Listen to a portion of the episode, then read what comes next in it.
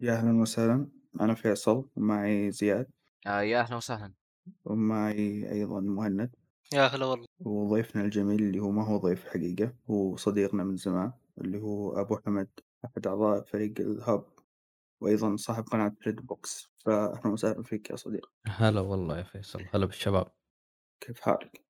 والله بخير، أنتم شلونكم؟ ماشي الحمد الحمد لله الحمد لله طيبين. يلا هذه الحلقة السادسة من إيبوي كاست.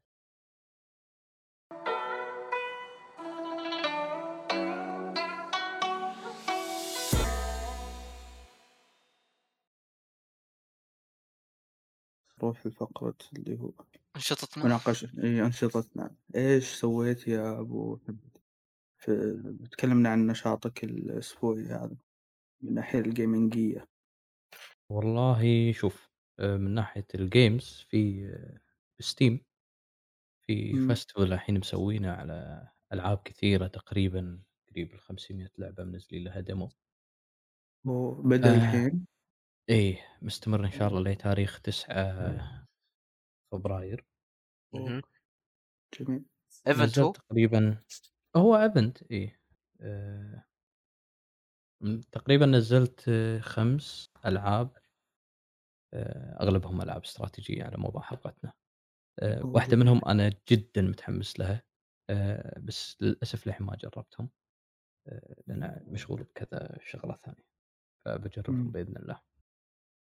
هذا بالنسبة لي الأشياء اللي نزّلتها أو حمّلتها. آآ أما بالنسبة للأشياء اللي جرّبتها، فجرّبت لعبة God of War مع التحديث الجديد، هذا بنتكلم عنها إن شاء الله، راح نتكلم عنه تالي إن شاء الله. الله الله، إيه. في شيء ثاني؟ أكمّل لعبة The Medium. والله شوف، آآ لعبة The Medium آآ أنا أنا مو شخص يعني ما مو قريب من ألعاب الرعب، السبب ما أحس إنه بالفترة الأخيرة أو بالسنوات الماضية، يعني ممكن 5 سنين سابقة، إن أيوه، في لعبة رعب قدّمت شيء للساحة، من ناحية قصة، من ناحية آه، فكر جديد في اللعبة، يعني مو نفس لمّا تقول Resident Evil 3 الكلاسيك والّا 2 الكلاسيك، آآ صح، تقديم آآ أشياء تقنية جدًا ممتازة من ناحية الbackground render وغيرها. إمم، وكذلك آآ أنا شخصيًا لعبت Silent Hill 1 بس يعني في بدايتها، كنت وقتها صغير فما أفهم بالألعاب هذه، إمم، فأعتقد Silent Hill هم على جمهورها اللي يحبها، آآ أعتقد إنها كانت شيء محترم في ذاك الأيام، فما أعتقد إن في لعبة رعب قدمت حق ساحة ألعاب أو محبين الرعب الشيء اللي يرضيهم، أغلبهم تحول حق الأكشن، صار مسدسات، صار طاخ وطيخ. صح، آآ لكن The Medium حسيتها فيها شعور الكلاسيكي. أيوه، بالنظرة ب بمنظور الكاميرا الثابتة، بالإضافة على الpinned camera يعني الكاميرا الثابتة ولكن بنفس الوقت تتحرك معاك آآ وأنت تطلع من الframe. أيوه، فحسيت فيها شعور كلاسيكي جدًا ممتاز. آآ طبعًا آآ اختيار الزوايا كان روعة في اللعبة، أنا للحين ما خلصتها.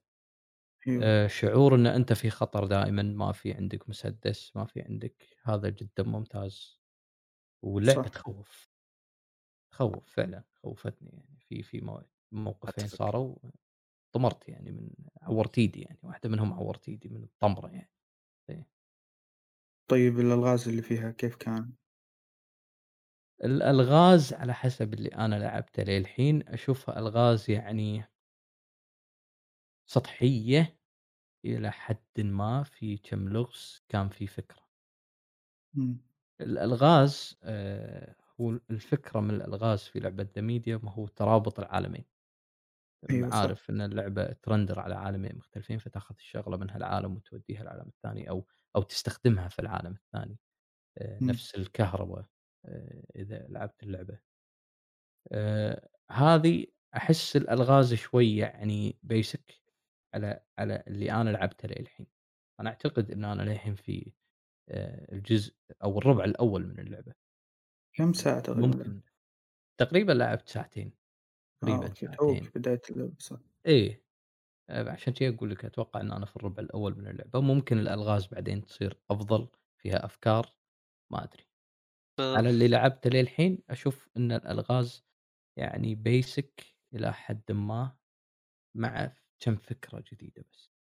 آآ طيب ودي أرجع لنقطة الرعب يا أبو حمد، إي تفضل. آآ كيف إيش ال الأشياء اللي صارت؟ أنا أشوف الرعب فيها كان بسيط جدًا، ما أعتبر حتى مرعبة، اهم، فإيش قدّمت لك تجربة جديدة من ناحية الرعب؟ أوكي. آآ أرد أ نفس النقطة مرة ثانية، إن أنا أنا أنا من ناحية ألعاب الرعب ما أشوف إنه في تقديم جديد، لكن اللي قدمت لي إياه هو هو ال ال ال العالمين المختلفين اللي أنت قاعد تمشي فيهم بنفس الوقت.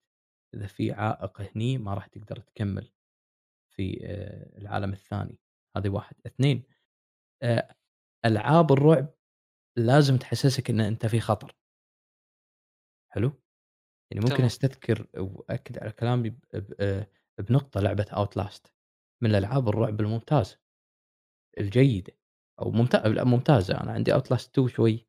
مو نفس أو يعني الرعب اللي قدّمه Outlast 1 ليش؟ لأنه ما عندك شيء، يعني أنت آآ أنا والّا فيصل والّا زياد والّا مهند شخص راح حق مكان وهذا المكان فيه أشباح والّا فيه مشاكل والّا فيه ناس مضطربين عقليًا، عرفت؟ آآ يعني قاتلين أو غيره. هذ هذه Outlast حلو؟ في. في آآ فأنت م مو أنت الشخص الشرطي صاحب الخبرة في القتالات، صاحب يعني عرفت؟ إيه أنت صاحب شخص عادي اللي تقول، تعرف تستخدم الأسلحة، فأنت آآ anybody آآ character أو في لها مصطلح يسمونها ما Anyman أو أو شيء من هذا القبيل. فهذا الشيء رجع شعوره في في The Medium. هي مو هي مو بطلة خارقة، هي ما تستخدم أسلحة، عرفت؟ صح، غير كذي الغموض في القصة. اللي اللي يخلّيك ودي أكمّل، أشوف شنو قصة الشخصية اللي في بداية اللعبة، أنا ما أبي أتكلّم على أساس ما أحرق، لأن اللعبة أيوه، توها نازلة، الشخصية اللي في بداية القصة آآ اللي اللي صوب البحر، أكيد إذا لعبتوها تتذكرون، أول مشهد في اللعبة، أيوه، أيوه معروف، معروف، معروفة الشخصية. ودّك تعرف منو هذا الشخص، وتبني أنت عاد نظرياتك وأنت تمشي في القصة. إمم، شنو عامل الرعب؟ في مقطع رعب واحد أنا متأكد آآ مهند إن أنت ي أنت لعبته؟ أي لعبته خلصته، أنا متأكد إن أنت طمرت من مكانه. إذا تذكر كانت في فتحة تطل منها أيوه، في حوض دم.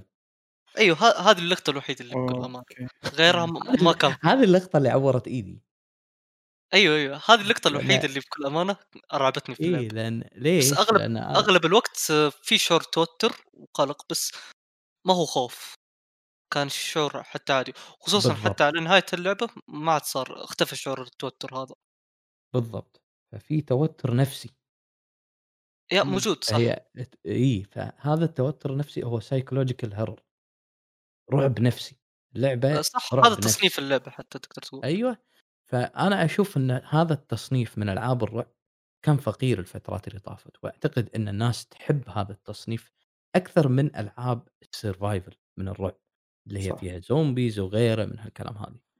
آآ الpsychological horror كذلك هي أعتقد آآ outlast تعتبر psychological horror لأن أنت في رعب نفسي أنت ما تدري. بس كذلك تعتبر بقاء إذا ماني غلطان، إي، إي، أكيد، أكيد. شوف ب ب بازيد نقطة آآ في الremake في Resident Evil 2 أيوه، آه. الناس أنا شخصيًا حبيته أكثر من Resident Evil 3 مع شوف أنا ما ألعب ر ألعاب رعب كثيرة، ليش؟ لأنه كان ليش؟ في عامل رعب نفسي باللعبة، ألا وهو مستر إكس، مستر إكس أيوه، Mr. X لمّا كنت أنت تمشي أو تبي تطلع من الsafe room يا أخي ت تفكر تفكر 100 مرة. أطلع الحين بعيد والّا مو بعيد، تبي ترمي رمية تحسب حساب إن Mr. X قاعد يفتر، خصوصًا بمركز الشرطة. إمم، فهذا العامل النفسي أو الرعب النفسي، أنا أعتقد ألعاب الرعب تحتاج هذا هذا ه تأكد على هالشيء، والّا إذا في لعبة رعب مخطط لها إنه يعني آآ تشتغل على هذا التصنيف اللي هو الرعب أو العامل النفسي. ضيف على هذا اللي هو من ضمن الألعاب اللي ممكن ما تقول إنها لعبة رعب نفسي بس إنها Bloodborne عالمها وسوداويتها وغموضها هذا ك كان شوي فيه رعب نفسي لما أنت تتمشى بال بالعالم حقها وت وتشوف ال وفي أشياء كثيرة تتساءل فيها وما تعرف جوابها، صح. فكانت وحتى بعض الوج الوحوش كيف إنهم أحيانًا يكونون مستخبين في بعض الأماكن،. كان صحيح. هذا عامل جدًا م موتر بالنسبة لك أنت كشخص، مع إنها ما. تعتبر من ألعاب الرعب النفسي. اهم. يا فنقطتك جميلة. وإيش بعد حاب تضيف؟ هذا ال اللي أنا لعبته وجربته خلال الأسبوع اللي طاف يعني. آآ زياد؟ تقدر تقول إن تجاربي في هالأسبوع كانت جدًا قليلة، آآ وبالتحديد لأن آآ الوقت كان عندي ضيق، آآ لكن على الأقل قدرت ألعب لعبة واحدة وأختمها اللي هي Star Wars Battlefront 2 آآ والصراحة آآ كانت آه، تجربتي جدًا جميلة، ما اختلفت عن قبل سنتين، نفس المتعة، وبالتحديد لأن اللعبة حاولت تقدم نوع جميل من التنوع، آآ وبعد قصتها كانت جدًا جميلة، آآ مدة اللعبة ما ما تتجاوز 7 6 ساعات، آآ وصراحة أشوف هالمدة جدًا مناسبة للعبة shooting. أوكي. آآ مهند؟ بكل أمانة الأسبوع هذا أيضًا ما ما كان في شيء مميز لعبته، جربت بداية آه، لعبة Control، مرة. البداية فما أقدر حتى أعطي رأي عنها،. وتقريبًا هذا اللي لعبته. من ناحية أحداث فأيضًا هذا الأسبوع كان تقريبًا ما في شيء. آآ ياه أسأل بس آآ مهند Control أنت في البداية صح؟ جدًا في البداية تقدر تقول. جدًا في البداية. هل الخريطة أحس يعني أكثر الناس يعلقون على الخريطة في لعبة Control، هل الخريطة سببت لك مشاكل؟ إلى الآن والله ما أقدر أحكم، إمم، فخل أتقدم ممكن okay. أنا أقدر أقول لك جواب. تفضل. لإني لعبتها شوي، والله كانت في شوي والله لحست مخ شوي، إمم، بس إنه آآ والله جا في بعض الأيام صدعت رأسي لفتة وحوستها إمم. بس طيب شوف يا أبو حمد تشوفها سيئة والّا لأ خريطة؟ آه، أنا أقول لك. آآ نصي أ ن أ نصيحة وبالنصيحة راح يكون في جواب.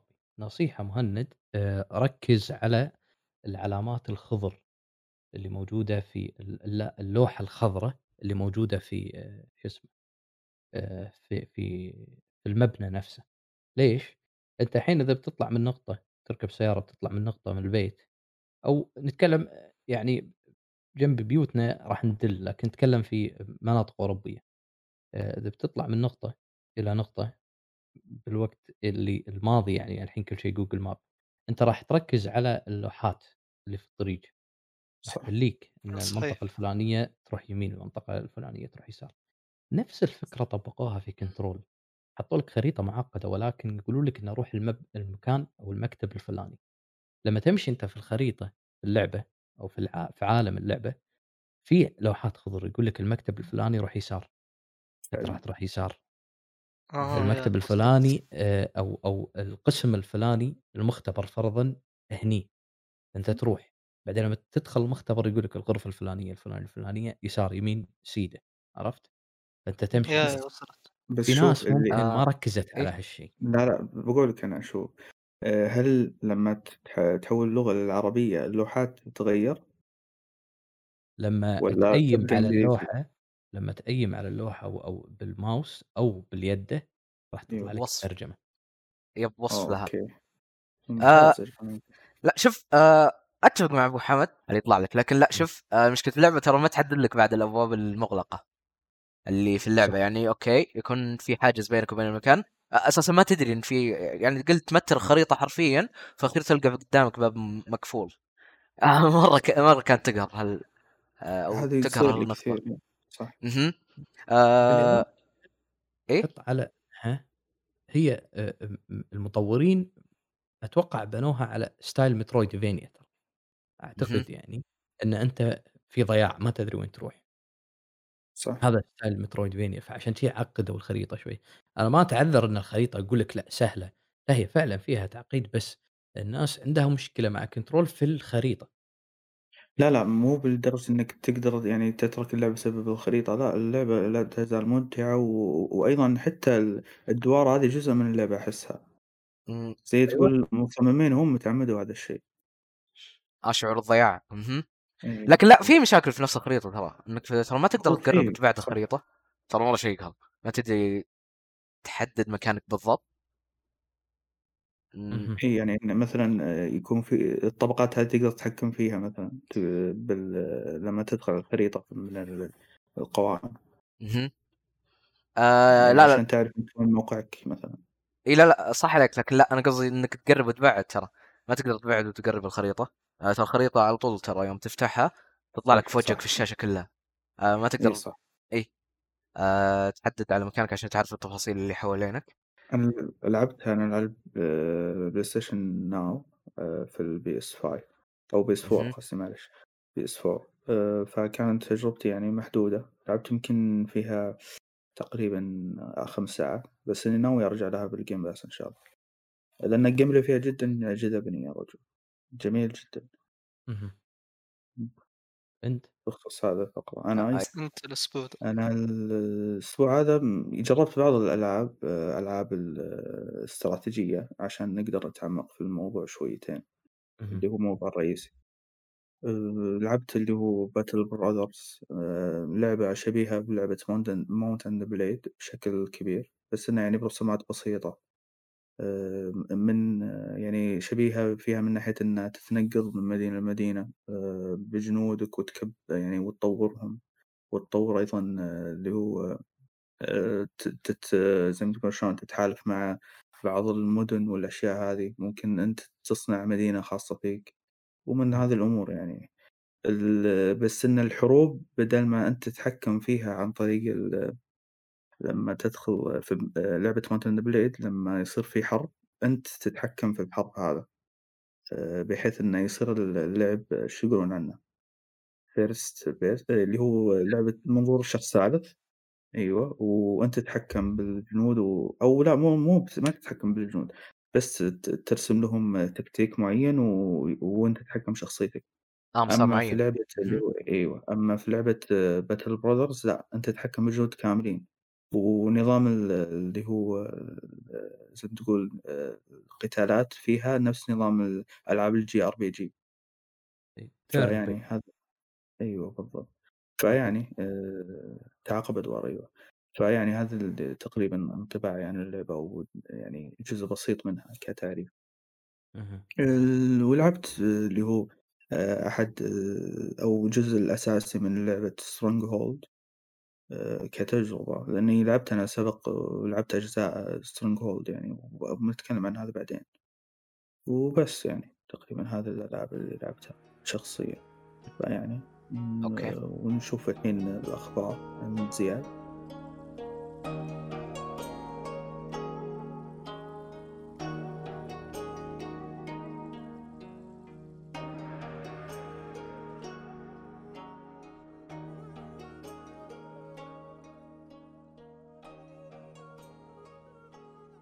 okay، نبدأ فقرة أخبار وتحديد الخبر الأول آآ اللي يتكلم عن آآ تصريح المدير التنفيذي لشركة أمازون آآ باستمرار دعمهم لقطاع ال gaming في الشركة وبالتحديد Amazon Games Studios.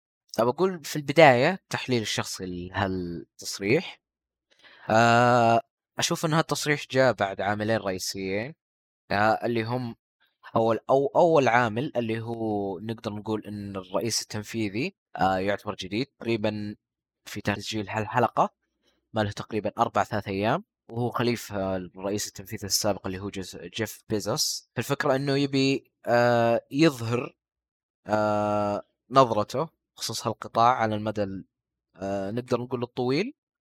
السبب الثاني لقصة التصريح هذا آآ اللي هو التقرير اللي طلع قبل فترة واللي يتكلم عن إن شركة أمازون وإنها صرفت على القطاع هذا تقريبًا 500,000,000$ بدون أي إيرادات، واللي أشوف آآ إنه بعد هو السبب الثاني لهالتصريح. أشوف إن أمازون بالتحديد نقدر نقول عنهم آآ مرة صابرين، بخصوص القطاع عندهم مشكلة يأخذون وقت فيه ما عندهم أي مشكلة بخصوص الاستثمارات اللي على المدى الطويل اوريدي هم امازون وعندهم سيولة نقدر نقول آه وش رأيكم بخصوص هالخبر؟ صراحة ما عندي امازون ما أدري شنو قاعد حتى مع لونا إيه، عندهم اللي هو في أيوه. بث إيه، بث سحابي أو خدمة بث سحابي اسمها لونا بس إن للحين ما أعلنوا عن موعد آه، إطلاقها تقريبا آه صح عليك إيه إيه. ولا أساسا أعلنوا عن آه. ال... ما أعلنوا عن أيوه. ال- okay، كمل، كمل. التسعيرة تبعتهم للخدمة حرفيا بس أعلنوا عن okay في خدمة في خدمة سحابية عندنا وراح نطلقها في البداية في الولايات المتحدة الأمريكية و... وعندنا شراكة مع يوبيسوفت ترى بس هذا اللي أعلنوه من ثلاث أربع شهور أيوه. وهذه مشكلتي الآن مع أمازون إنها ما أحسها جادة ت إنها تبغى تدخل مجال ال gaming. بس ها تبي تاخذ بس أرباح من هذا المجال يا بس هذا هل داخلة بشكل جدي؟ لا ما هي داخلة بشكل جدي ما تحس إنها تبي تنافس بس تبي أيوه، تاخذ. أرباح من هذا المجال ألعابها فاهم كذا. تحسها تجارية أغلبها أو يعني اللعب اللي كنسلوها وقفلوها. أيضًا عندهم لعبة بصراحة ما أعرف إيش صار عليها. إيش ف هي؟ آآ New World أتوقع أو شيء زي كذا. صح يب تحس ألعابهم بس يعني يبغون آآ خلينا نقول إيرادات وبس ما ما يهم كيف ما يهم جودتها ما يهم. فهذه مشكلتي مع أمازون إنها ما هي داخلة بشكل جدي. إن شاء الله إنه يتغير الشيء هذا في المستقبل يعني. والله أتمنى يا رجل يصير في يعني زي ما تقول منافسين أكثر آه، يعني خصوصا الحين جوجل وضعها مو ذاك الزود ما تحس إنها يعني آه،. خلاص يعني تقريبا شبه انتهت مع ستيديا لا شوف أبى أضيف نقطة على كلام آه، مهند، لا لا ترى هم داخلين بشكل جدي، يا رجل جايبين لك آه، تقدر تقول مطورين كانوا شغالين مع فالف اشتغلوا على لعبة بورتال وبعد آه، موظفين آه، أو مطورين اشتغلوا في شركة Take-Two آه، مم. يعني اشتغلوا في روك ستار آه، جايبين مطورين ترى مخضرمين مرة عشان يشتغلون معهم في قسم آه، في قسم Amazon Game Studios لكن الفكرة وش؟ آه، م- كيف أعطيك لها؟ هم تقدر تقول عنهم مو مو مستعجلين أبد ترى. قطاع الترفيه بالتحديد ترى تركيزهم عليه ترى صار أكبر. حتى إن ال Prime آه، تبع آه، Prime Videos اللي هو تبع الأفلام آه، تبعت امازون آه، تقدر تقول مخفف التركيز عليه وصاروا يركزون على قطاع الألعاب. يعني عندك Prime Gaming صارت أيوة. خدمة أساسية وصاروا يضيفون عليها تقدر تقول آه، لا حرفيا صاروا يضيفون عليها ألعاب آه، كلاسيكية هي حاليا وصاروا يضيفون لك بعد مع شركائهم إضافات في الألعاب نفسها. سكنات أش- أشياء تقدر تقول آه، إضافية تقدر تقول آه، حصرية عشان بما إنك أيوة مشترك. إيه؟ تحفزهم إنهم يشتركون من ضمن الخدمة هذه اي صح عليك. أو تقدر تقول كذا. آه هو- إيه صح عليك. وهم بشكل عام ترى وش اسمه؟ آه مع مرور الوقت ترى وش م- راح يحققون أرباح ترى. مرة يمديهم ترى في النهاية هذول أمازون صح ترى. صح. صح يم- ممكن يمديهم. مرة يمديهم الصراحه أشوف خصوصا بما أن بس عندهم بس إيه؟ المشكلة خطتهم مي واضحة يا زياد، هذه يمكن مشكلتي معهم. صح عليك ترى صح عليك بعد منصة تويتش آه صح عليك. فيه إمم. عندهم أكبر منصة بث ألعاب منصة تقدر تقول عنها حاليا أوه يعني هي ملك الأمازون الحين هي هي آه من زمان. تقريبا لهم ست سبع. سنين معلومة إذا جديدة بالنسبة لي إذا عندك أمازون برايم تقدر تنقله ويصير عندك تويتش برايم بعد.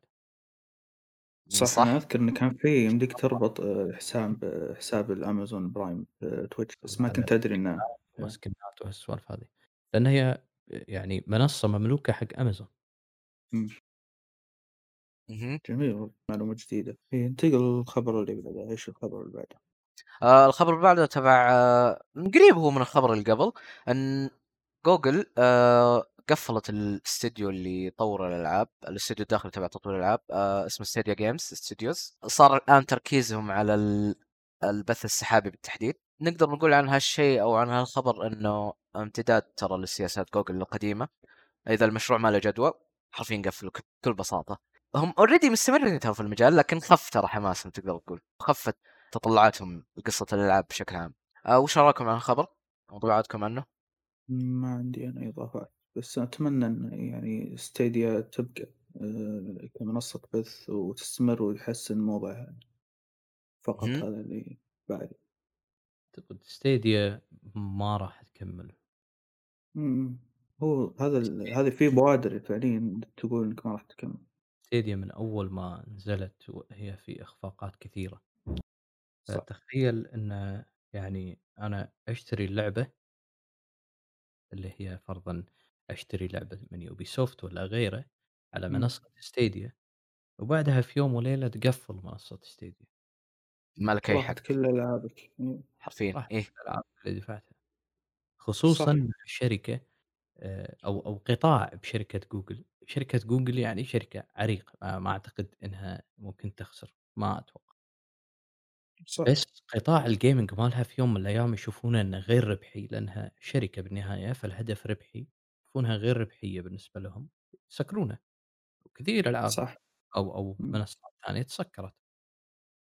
مم. ممكن في البعض يرى آآ ستيم نفس الفكرة، أن أنت ستيم تشتري عليه ألعابك ومنصاتك وتقفل، بس الواقع أن ستيم آآ أعتقد يعني المنصة الأولى في الألعاب، فيعني حتى Epic لما حاولت تنافسه حتى للحين مو قادرة. صح، صح صح. تنافس ستيم نهائيًا، آه ستيم يعتبر إيه آه المتجر الرئيسي في ال P يعني C. على الرغم من إن الألعاب المجانية، العقود الحصرية اللي خذتها ومن هالكلام هذا، ولكن ستيم باني منصة من زمان عنده استديو أو عنده استديو فالف اللي يسوي له آآ الألعاب واللي أصلًا هو يملك ستيم، فتفرق. Stadia أروح أشتري اللعبة عندك وبعدين تقفل لي بعد سنتين 3 لأن بالنهاية شركة جوجل تبي تربح وأنت ما قاعد تربحها، ألعابي أيوه، وين؟ تروح؟ هو إذا في منصة مقامة وثابتة و ولها أساس واضح اللي هو ستيم تجي آآ جوجل Stadia تبي تنافسها ولأ، وتنافسها بخدمة بث سحابي، يعني البث السحابي فيه مشاكل يعني، هو هو فيه مشاكل نفسه unreliable على قولتهم، فما أدري أحس آه، المفروض المفروض أنا شخصيًا أشوف إن جوجل تسكر ستيديا وخلاص، تعتبره مشروع فاشل وانتهى. بس لا يزال يلف يلفظ أنفاسه الأخيرة يعني زي ما تقول، يعني يا إنهم ينقذونه وإنه خلاص يسكرونه زي ما تقول. ما هني السؤال ياه! شلون ما أتوقع ينقذونه. فكرة فيصل إنه ممكن ينقذونه؟ هذا شوي صعب إنك آه، هذا بس إنه يعني إنهم ي لا ي يعني إنهم يدعمونه أكثر من ناحية إن ال انتشاره، لأنه لا زال ما ما هو مدعوم في بعض في دول كثيرة، إمم، هذا غير إنه أيضًا يركزون يبدون يستحوذون على شركات أو استوديوهات يبدون يسوون حصريات لمنصتهم، لأن فعليًا stadia الحين ما تملك ولا شيء. فيعني إيش الفايدة فعليًا من خدمة ما ما ما توفّر حصريات لها عشان تج تجذب الناس إنهم اهم، يشتركون في فيها كمنصة، يعني أحس إن هذا الأشياء ممكن تساعد، بس إنه برضو ما يعني يحتاج لهم مشوار طويل عشان يقدرون ينافسون. منصات أو شركات مثل سوني وإكس بوكس، أقول منافستهم يعني ما هي سهلة أبدًا اللي هو إكس بوكس وسوني أبدًا آآ يعني، okay تعليقًا على الخبر إنه حركة جدًا غريبة. ال يعني هذه استديوهات أو يعني راح تنتج لك ألعاب هي اللي راح تقدر تسوق لها خدمتك، فإنك تغلقها شيء غريب، وصدق يعني تحس إنها بداية النهاية ل Stadia صح، آآ أصلًا من البداية يعني لو نفكر فيها آآ جوجل حرفيًا يعني تحس ما عنده خبرة، دخلت السوق وكذا تبغى تجرب حظها وبس. آمم غير المشاكل اللي كانت في بداية إطلاقها، ما حاولت يعني إنها خلّينا نقول آآ يكون عندها رؤية واضحة، لا من ناحية مثلًا إنها يعني أقل شيء إنه قبل ما تطلقين خدمتك وفّري لِك ألعاب حصرية، انشئي لِك استديوهات أو استحوذي على استديوهات. آآ لو نشوف مثلًا مايكروسوفت حاليًا، هي داخلة في مجال ال السحابة، لكن ماخذة راحتها وما هي مستعجلة فيه، وقاعد تبنيه من البداية بخدمة الGame Pass. آآ صح، راحت استحوذت على استديوهات، استحوذت على شركة بethesda بالكامل، كلها عشان تنمّي Pass و وكلها تكون يعني خلينا نقول الX Cloud في المستقبل. بس هذه الخطوات آه، شركة مثل جوجل ما حاولت يعني تفكر إنها تسوي شيء مشابه، أو يعني تتبع خطة معينة، تحس دخلوا ويجربون بس ومن الواضح إنها تقريبًا فشلت، ف آآ احتمال كبير إنه إذا ما حاولوا يعدلون وضعهم فراح آه، تُغلق الخدمة أتوقع. هو أنا مستغرب من بعض ال الشركات إن على طول تبدأ بموضوع البث السحابي كمجال إنك تدخل فيه، أحس إنه يعني أحس توه بدري يعني خصوصًا الفترة الحالية يعني الوضع ما يساعد، لما تتوفر البيئة ويصير زي ما تقول يصير الوضع جدًا أو في إقبال كبير على موضوع الخدمات السحابية هنا اللي ممكن اللي تتنافس فيها، بس حاليًا أحس يعني حتى اللي اللي بيجربها ما ما هو جمهور كبير، يعني مثلًا زي عندك اللي هو زي ما قال آآ مهند ال Game Pass تصبيرة جيدة لمستقبل واعد، اللي هو حتى يكون موجود بكل جميع الدول وأنت تقدر تحمل الألعاب، مو لازم تسويها أو مو لازم تلعبها بث سحابي، فأشوفها يعني زي ما تقول زي ال البداية لمستقبل ال اللي هو الخدمات السحابية، فبدينا أو شغالين لها فيها صح الإكس بوكس.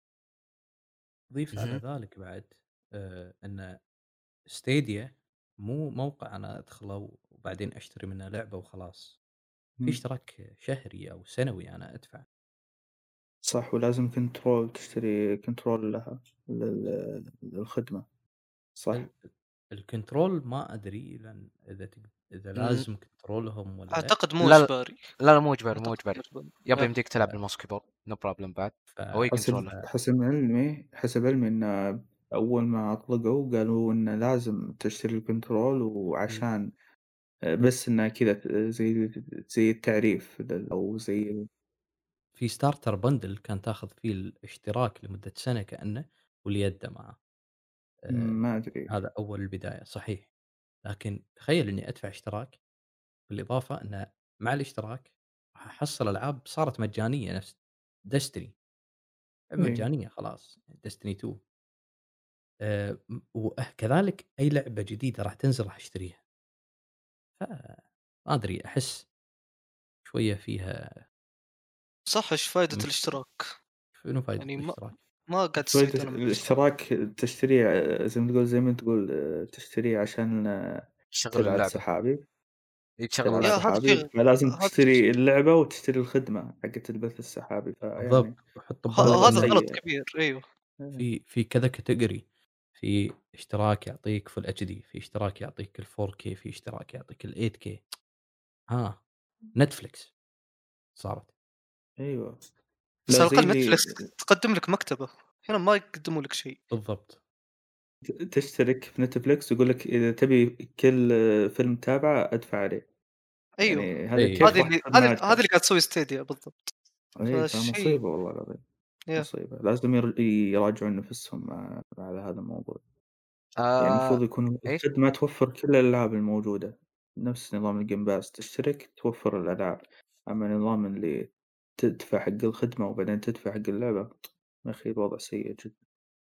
آه لكن دقيقة آه بعقب على كلامكم. لا شوف آه جوجل ترى جوجل ستيديا ترى اضافوا قبل فترة آه ونهاية السنة اللي قبل الماضية ترى 2019 آه تقدر تقول بعد إطلاق الخدمة أضافوا ترى وش اسمه Stadia Pro. آه ترى Stadia Pro Pro يعطيك collection ألعاب آه مع الخدمة تقدر تقول. إيش الألعاب هذه؟ تقريبا اللي تذكر يعني. Rise of Tomb Raider Hitman تقريبا الاخيره نزلت فيها. آه وش. بعد؟ آه تقريبا هذه اللي أذكرها بالتحديد اللي Control نزلت في ذاك الوقت. ولا؟ لا ما اذكر ان Control نزلت في الخدمة. آه لكن كان والله. فيه قائمة من الألعاب لا بأس فيها ترى على ما أذكر. يزيدونها مع الوقت ولا لا لا يزيدونها ترى. بس؟ حتى إيه شوف حتى بعد الإعلان تبعهم هذا آه إنهم راح يقفلون الاستديوهات الداخلية. أعلنوا عن كل لعبتين تقريبا نزلت على ال- ال Google Stadia Pro مم. yeah بس الآن مو ال Pro أتوقع إنه أغلى من ال العادية والّا؟ آه أغلى. أغلى من ال basic آه لا لا ترى تقريبا سعره آه على ما أذكر كان 9 دولار. ترى. شهريا آه yes of course طيب كم ريال كم كم يعطي لعبة؟ هنا السؤال. أم... والله ما أذكر لكن كان يعطيك تقريبا آه بالتحديد لا ما أذكر لكن عدد تقريبي يعطيك آه فوق ال 40 لعبة على ما أذكر على ما أذكر yep. طيب okay شوف شوف الاختيار إني أدفع 9 دولار على 40 لعبة ولا أدفع 10 دولار وأخذ فوق ال 200 لعبة في ال Game Pass فهنا. تحس إنه صدق وضع مرة ضايع ما عنده خطة وغير كذا زي ما تقول لما تدفع Game مثلا Game Pass Ultimate أنت يمديك تلعب الألعاب هذه بس سحابي أو تلعبها تحميل تحمل اللعبة وتلعب. إي مو على البث خيارين فعليا. صح عليك صح عليك. اي وبعدين هذا أقول لك عندك خيارين فعليا يكون غير إنك مهم. تحصل خدمه. إي اي ف جدا وضع Stadia ال console غريب. فقط حاليا. آه راح تنزل بعد حاليا لكن يا هم. أعلنوا عنها على ال PC.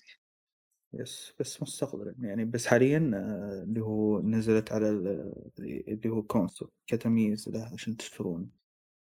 آه الخبر اللي بعده تبع آه خدمة Nvidia GeForce Now اللي هي الخدمة السحابية من شركة آه Nvidia آه أيوة. وإنها راح تنطلق آه في المملكة العربية السعودية آه خلال آه في بدايات أوائل عام 2021 خبر جدا أوه رهيب. كويس.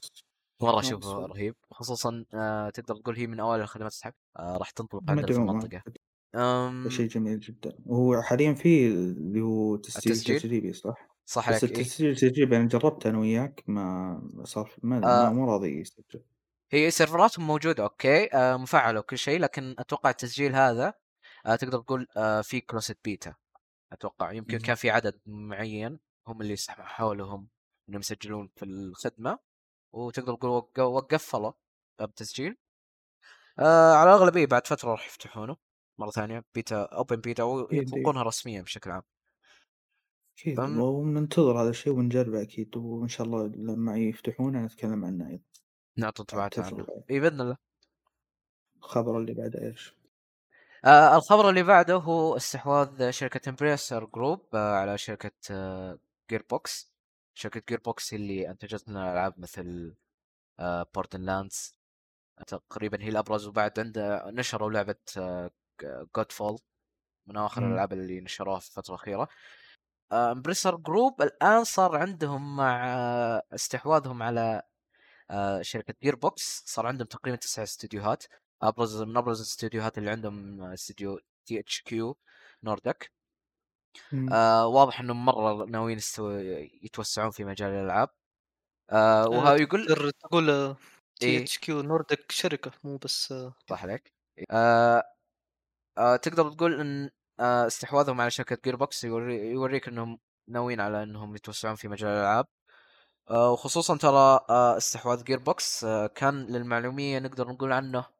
ترى آه شركة آه Embracer Group آه مو أول شركة كانت تبي تستحوذ على Gearbox كان قبلها شركة مايكروسوفت آه لكن تقدر تقول آه ثنوا عن هالقرار تبع الاستحواذ فاستغلته شركة آه Embracer Group جميل عندكم شيء بخصوص هالخبر؟ مع والله. شوف آه، الاستديوهات اللي تحت Embracer Group مع Gearbox ترى يعني استديوهات قوية يعني يشد يشد انتباهي أنا استديو واحد تحتهم واللي هو Saber Interactive أها. Saber Interactive يملكون 4A Games شوف 4A Games فوق Saber Interactive بعدين Embracer Group اللي هم مسوين سلسلة مترو مهم. شوف إن الاستديوهات حتى Gearbox يعني مسوية شو اسمه Borderland land فيعني ألعاب لها لها ثقل في في في عالم الألعاب نفسه. فما أدري شنو يخططون صراحة Saber آه Embracer Group آه، أشوف انهم عارفين صراحة وين يحطون أموالهم. مو كذا في أي شركة معينة يلا روح استحوذ عليها. وصراحة طلع المستقبل.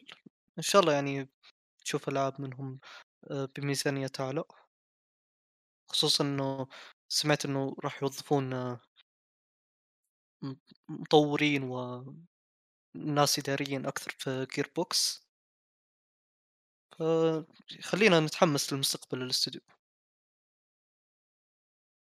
شيء جميل.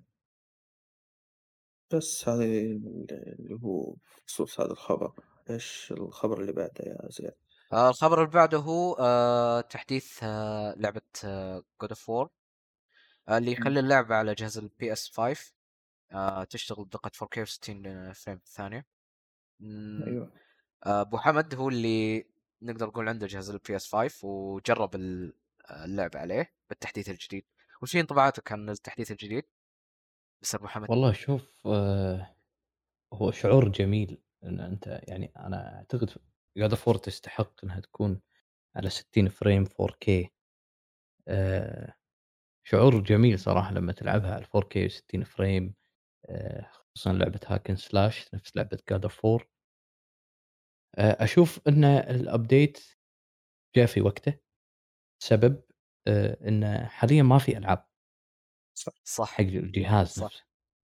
فشلون أخلي الناس تلعب آه، جهازي ال PlayStation 5 آه، إضافة ال update هذا خصوصا لعبة God of 4 God of 4 يعني من الألعاب اللي المفروض تلعبها لما تملك جهاز PlayStation شيء أساسي إن أنت تلعبها ممكن اي لعبة ثانية عادي بس جاد اوف 4 لا لعبة تستحق إن أنت تلعبها لعبة جميلة آه، حتى يعني مو بس بطريقة اللعب جميلة لا إخراج سينمائي كإخراج سينمائي إن الكاميرا من تبلش أول اللعبه لين تنهي اللعبة وهي كاميرا واحدة دايرة على قولتهم. آه هذا أنا أشوف جدا ممتاز. ال- ال- التحديث ضاف آه اللي هو 60 frame. أشوفه إضافة جدا ممتازة. لعبت اللعبة أنا جربتها. ال fight صار أكثر سلاسة آه، قتال. ال- ال animation صار أفضل.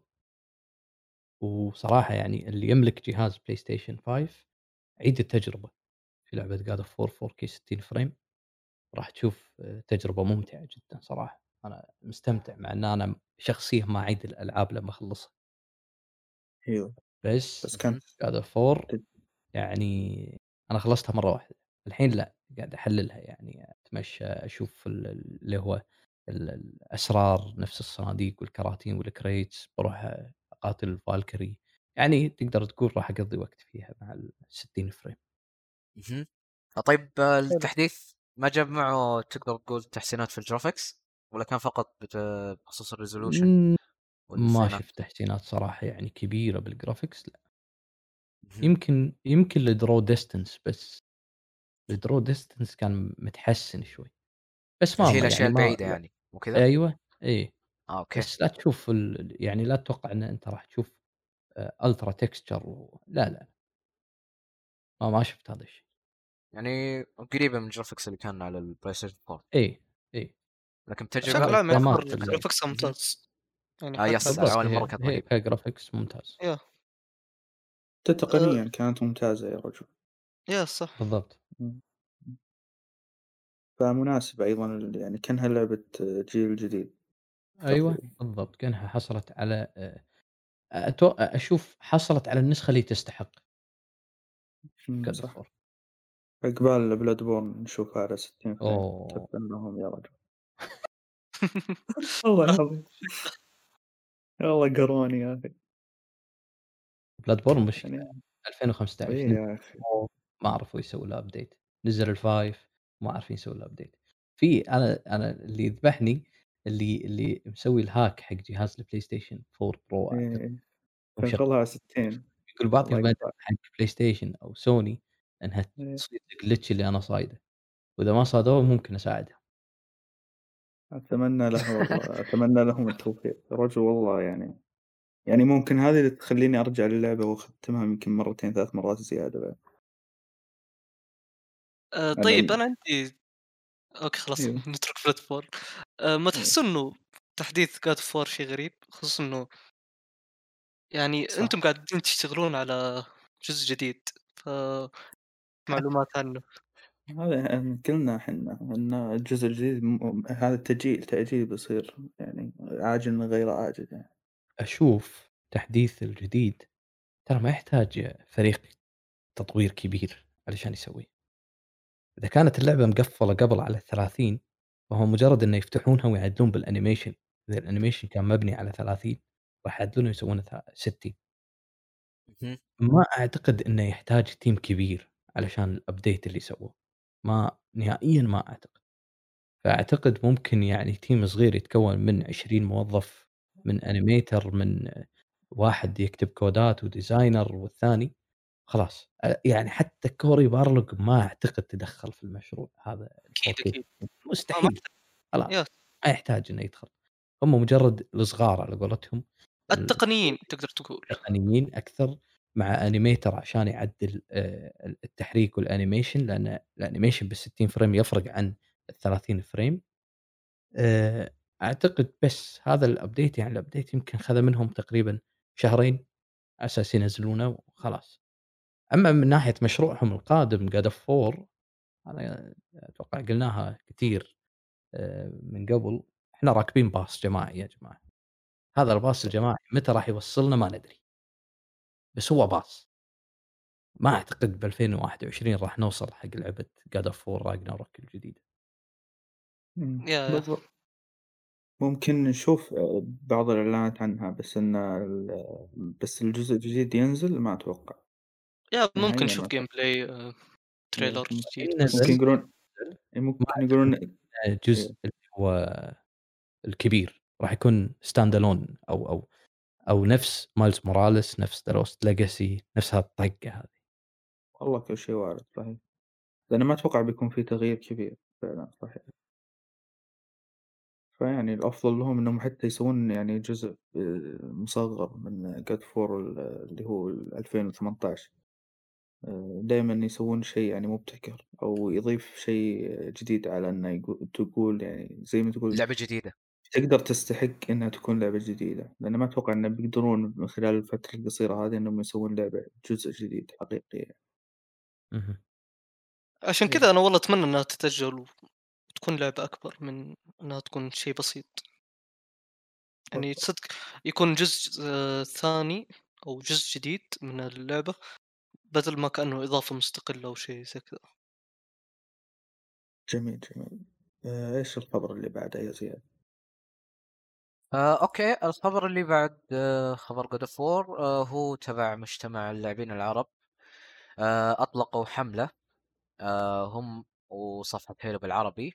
آه، لتعريب لعبة Halo Infinite القادمة. أم، آه، بخصوص التعريبات آه، مايكروسوفت آه، أنا بقول وجهة نظري بها- بخصوص هالخبر. شوف مايكروسوفت ترى ما عنده مشكلة بخصوص التعريب. وعلى الأغلب على الأغلب راح ينزل تنزل لعبة آه، Halo Infinite خصوصا ترى هم آه، هم already ترى معربين ألعاب قبل اللي هي عندك مثلا لعبة Gears 5 ترى نزلت باللغة. العربية. إي وعندك بعد آه، لعبة Bleeding Edge ترى لعبة تعتبر ثانوية لكن نزلوها لغة عربية بعد. مع إنها لعبة ترى أقدر أقول لك عنها مهمشة بالمعنى الحرفي. صح. لا لكن لا نزلوا لك فيها تعريب. آه آه، فيس Hell Hellblade قلتها؟ آه yes Hellblade ص- إيه، صح عليك صح عليك. Hellblade آه yep آه من الألعاب الأوائل اللي عربوها آه لكن لا هي كانت من نشر قبل الاستحواذ إنه إيه صحيح. إي من قبل Ninja Theory أو استحواذهم.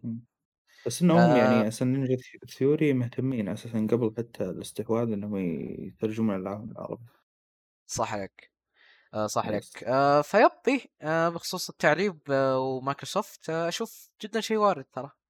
نسبة بنسبة كبيرة راح. تتعرب اللعبة. لا وبعدين ال- زي ما تقول الجمهور العربي بالنسبة لل Xbox بدأ يكبر شوي وبدأ يصير فيه أهمية.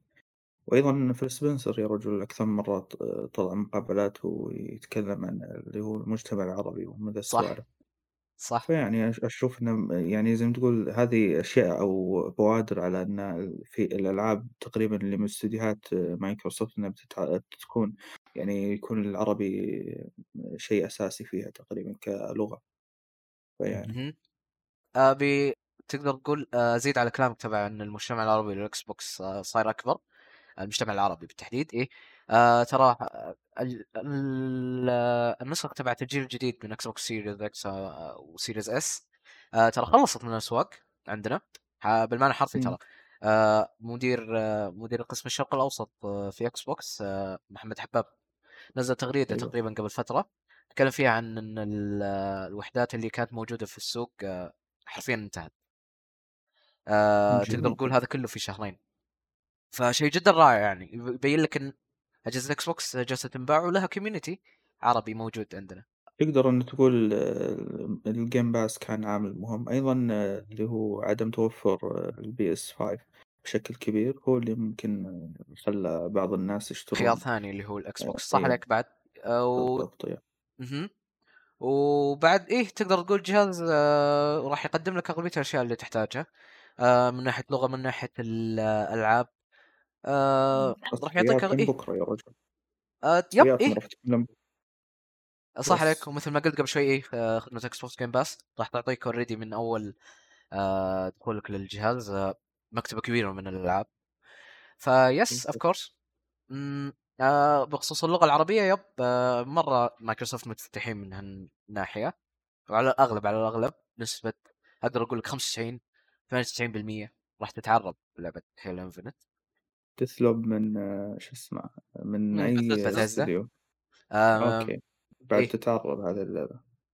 yes من اوائل العاب بثزدا اللي راح تتعرب تقريبا هي أول لعبة بثزدا أول لعبة بتثزدا صح عليك. إيه nice. بس آه، أعتقد Deathloop هي حصرية حق جهاز PlayStation PS 5 آه حصرية يا. مؤقتة اي حصرية مؤقتة. وصراحه أنا أشك إن سوني متدخلة في التعريب. ما أعرف بس عندي إحساس. لا لا لا ترى لا, لا. ما أتوقع لهم دخل. آه إيه كم كم أبو محمد إيه أعتقد ممكن سوني فعلا لأن يحبون يعربون ألعابهم. لكن لا لا, لا شوف. آه ولا أقطع عليك لكن ترى Bethesda already ترى وش اسمه آه مسوين تقدر تقول صايرين يهتمون بالشرق الأوسط.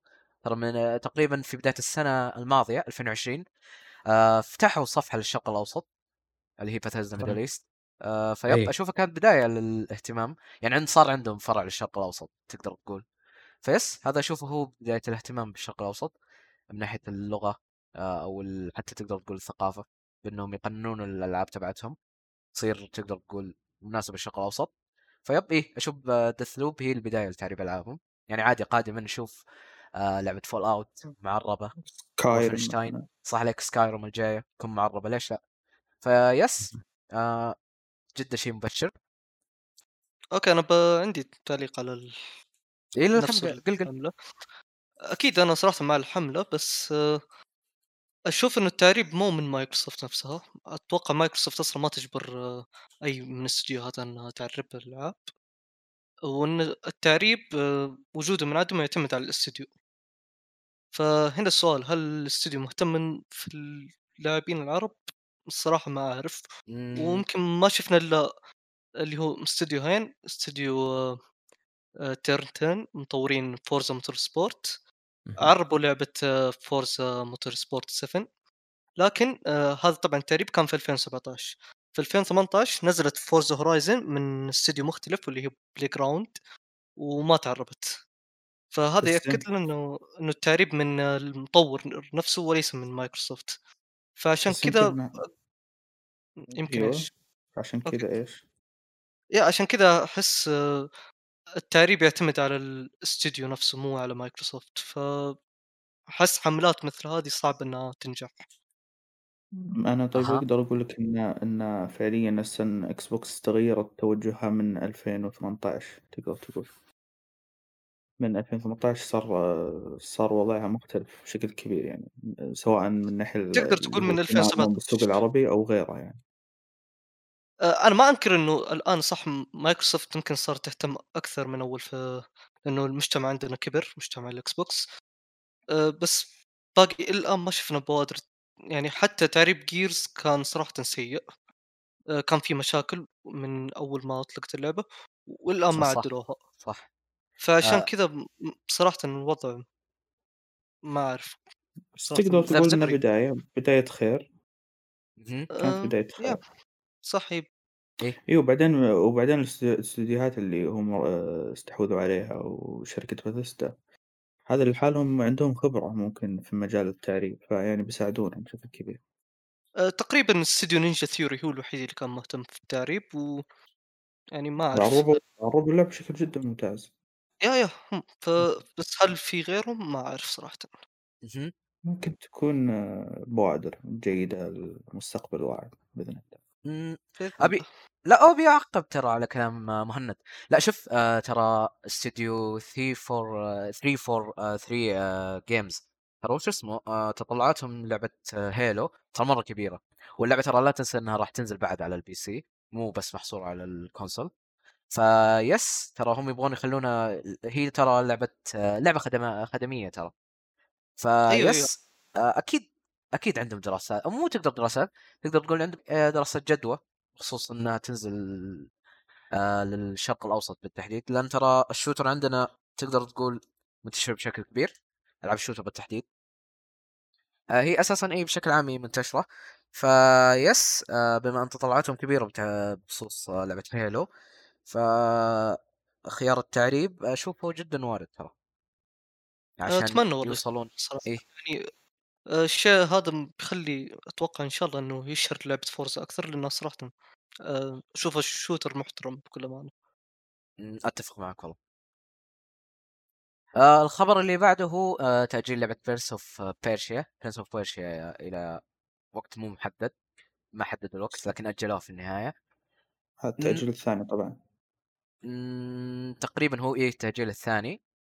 آه مرة مبرر. اللعبة الصراحة كيف أقول لك؟ يا أخي آه، ينعاد آه، يوم أقرأ هالخبر ينعاد لي وش اسمه؟ اللي صار مع Halo Infinite يوم أعلنوا عنها في مؤتمر آه، وش اسمه؟ Xbox هذاك. آه، اللعبة. كانت حرفيا كانت مفقع مفقع من ناحية الرسومات. ترى أقول بصراحة يعني. ولا وجالسين يبرروا لك مطورين إن هذا وش اسمه؟ عودة للاجزاء الأولى. مع إن الرسومات style اللعبه تقدر تقول هذا هو. إيه. إيه بالضبط صح عليك. آه لكن هي فعليا ترى كان graphics سيء. آه نفس الفكرة صارت مع Prince of Persia قالوا لك هذا style يعني آه بما إنه remake كذا ما نبي نبعد عن أصل اللعبة. آه ف yep إيه وصار عليهم هجوم زي اللي صار مع مايكروسوفت الفكرة وشو؟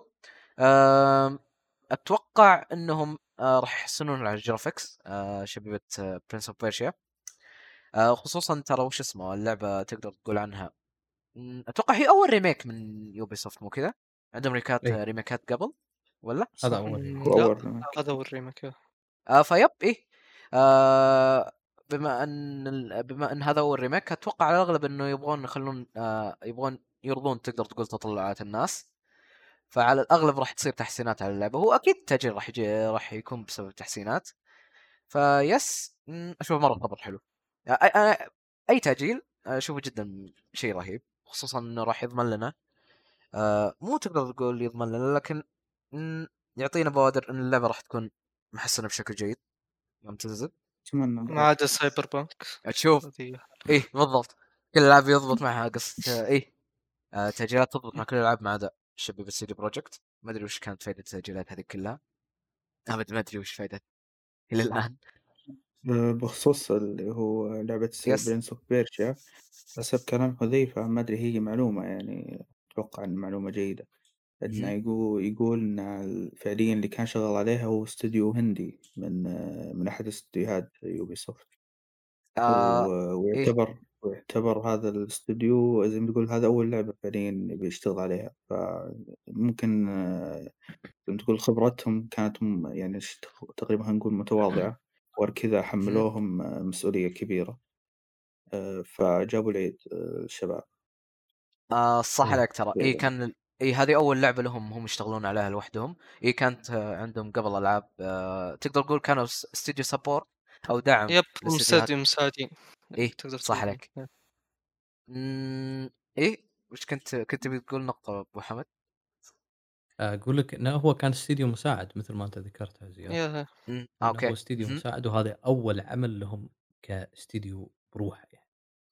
لوحده. هم أوكي. استديو هنا إذا ماني غلطان ولا؟ آه. شلون؟ اللي شغالين على الريميك آه، استديو هين مو استديو واحد. أتوقع ما اللي هو عندي علم بس أعتقد استديو واحد وممكن استديو مساعد. يا بس، استديو آه، واحد واستديو مساعد إذا ماني غلطان. إيه. وكلهم استديوهات كانت تعتبر مساعده أيوه. أتوقع إنهم هم اشتغلوا على المشروع.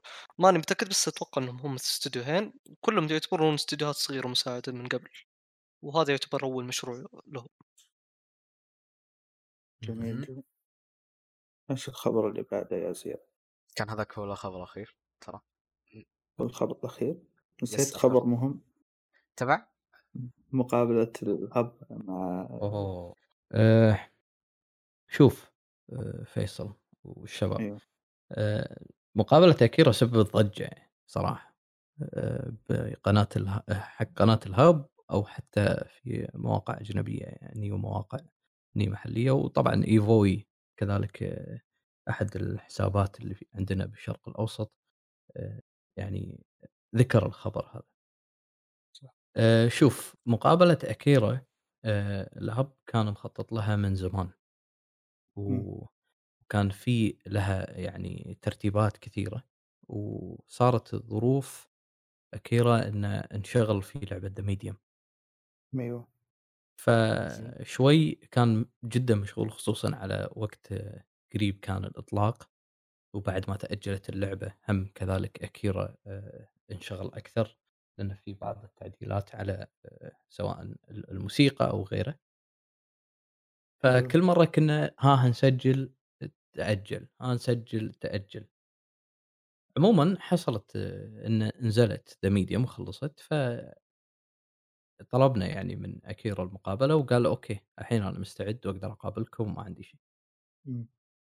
فدزينا له سكريبت الأسئلة وجاوب عليها عادي، بس الظاهر مطلق حب يحط سؤال مدفون يعني. أيوه. فدفن دفن بالسؤال ومثل ما تشوفون يعني جاء الرد. أيوه. آآ طبعًا يعني شوف شخصيًا يعني أنا أو مطلق أو غيره أو حتى يعني بالعالم يعني أكيرا ترى مو بس انعرف بسايلنت هيل. يعني الناس كلها وجهت سايلنت هيل، أوكي ممكن مشروع آآ الكل يترقبه، بس في كذا مشروع هم اشتغل عليه شادو ذا دام أعتقد لعبة اسمها كذي، آآ اشتغل إمم. على موسيقى كونترا، اشتغل على سايلنت هيل، اشتغل على ألعاب يعني كثيرة أكيرا، اشتغل صح. على The Medium. بس الناس وجهت إنه لأ هو يقصد سايلنت هيل. زين حتى شادو ذا دام في ناس ناطرتها تبي جزء ثاني. أيوه. آآ أمانةً جاء طلب من أحد الأطراف آآ بأنه ينشال الفيديو،. حلو؟ فأوكي، قلنا خلاص ينشال وشلناه وتم تعديل على كذا نقطة بالفيديو، بس وناطرين موافقة إنه الحين أوكي عادي ينزل والّا لأ، فقط لا غير يعني. الفيديو معدل وخالص يعني موجود أيوه. الفيديو، حتى بالقناة موجود بس معدل وخالص ومشيول من إن أحد يشوفه. خاص يعني. وين المضحك أوكي. بالموضوع؟ وين المضحك؟ إن الحين قبل أم أمس شخصيًا قعدت أفتر بمواقع اليوتيوب أو ب بقنوات اليوتيوب، لقيت إن أيوه. المقابلة موجودة، انحفظت. الأشخاص الظاهر سحبها ما أدري شلون الطريقة اللي سحبها يعني ل المقابلة انشالت، أيوه. وما أعتقد إنه توقع إن المقابلة راح تنشال، يعني إذا أنا أها. ما أعتقد إن المقابلة راح تنشال ليش أحفظها عندي؟ صح. في ناس يحفظون أتوقع أي شيء ف إي ف يمكن لأ المشكلة يعني يعني ما لها مو فترة من طويلة م أتوقع لأ مو من القنوات اللي تدش عليها تشوف إنه لأ هو حافظ من فيديوهات من إيفوي، حافظ فيديوهات من الهب، حافظ من ريد بوكس، حافظ لأ، هو هذا الفيديو الوحيد اللي حافظه، ما أدري شلون، هل هو توقع ما أدري، ما أدري، لا تسأل، أنا منصدم يعني، شلون توقع إيه؟ إن الفيديو ينشال؟ قعدت أدور في المواقع، هل من. الممكن إن فيديو private ينسحب؟ ما. آآ ما ما خلفية بس وما بس حس بس ما تلقاه ممكن هو من آه، يعني يعني شلون أقول لك المتعصبين أو ال يعني المقدسين للعبة Silent Hill فيعني ينتظر تصريح مثل هذا التصريح عشان يقدر يحفظه ويخلده في التاريخ عشان يقدر يطلع أكثر من مرة. شوف ممكن مرة وارد yes. كمل. إي هم أقول لك شخصيًا، شخصيًا وحتى يعني آآ أتوقع مطلق ما عنده خبر أكيد إن هذه سايلنت هيل هو صح إيه بالضبط. هو تلميح إن في لعبة راح آآ تشوفونها بالصيف، ولعبة ممكن في ناس قاعد تنطرها. أوكي لعبة يعني الصيف. المتوقع الإعلان يعني إذا أنا بيقول لي بالصيف عندك واحد من الاثنين يا E3 يا Gamescom. واحد منهم. أيوه، هذيل هذيل إمم، هذيل صح. معارض الصيف. عرفت؟ أيوه. وقريب إنه يكون E3 مش Gamescom. أنا أقول ننتظر ونشوف، إشاعات سايلنت هيل كثيرة. لا وبعدين آه، زي ما تقول آه، كونامي لمّحت أكثر من مرّة في كل في ألعاب كثير إن وإن تواجدت شخصيات من آه، لعبة Hill وما أدري إيش، يعني هذه كانت يمكن آه، زي ما تقول الماضي إشارة ك إيه، إيش؟ السنة الماضية لمّا فتحوا موقع Silent Hill صح، اي وأيضًا صح صح حساب فتحوا فتحوا حساب ترى قريب أتوقع قبل شهرين، حساب لSilent Hill أيضًا في تويتر، وتدش لو تدش موقع Silent Hill الحين شو مسوين؟ مسوين. يحطها زيادة صورة، حاطين لك تعرف هذا Head أيوه، مهم. تعرف الmemes اللي انتشر الفترة اللي طافت عن Resident Evil Village والvillain أيوه، وإن Xbox استخدموه وحطوه مقارنة بثلاجتهم، اي أيوه، وإنها هي أطول شخصية، فهم حاطين إن أطول شخصية Pyramid. Pyramid did it first كاتبين was the آه، first فحتى يعني الموقع يعني ما أدري هل هو واحد خذ ال الموقع هذا وسماه باسمه؟ هل كونامي وراء هذا الموقع؟ ما أدري، إنزين لو واحد شخص خذ الموقع وحطه باسمه، شلون كونامي ساكتة؟ لا. وأقول لك إيه لا وبعدين أقول لك آآ قبل شهرين أو والله يمكن أكثر من شهرين، اللي هو Silent Hill صار عندها حساب في تويتر، إمم. هذا كلها بوادر على إن في فعليًا آآ جزء جديد يعني سواء من هذا التصريح أو غيره، يعني ك كان في بوادر واضحة، سواء من إضافة شخصيات م في لعبة Dead by Daylight لعبة المكاين حقت الأسطورة. أوه! و وأشياء كثيرة يعني فعليًا أكثر من لعبة أذكر كان فيها إضا إضافات من ضمنها اللي هو إضافة Silent Hill فيعني آآ أحسها كل هذه ت بوادر على إن في جزء جديد للعبة، فيعني عشان كذا الناس تداولته بشكل جدًا كبير، يعني هذا آه الشك طيب الشيء أعتقد المبالغ إنه كونامي قالت بنفسها إنه في س يعني إنه في Silent Hill بس يعني. ما قالت بصريح العبارة. يعني آآ أتذكر يوم نفت الإشاعات Silent Hill إنها من كوجيما، آآ ذكروا إنه عنوان Silent Hill عنوان مهم لنا ومن هذه الأمور، فتحس إنه لمحوا هم بنفسهم.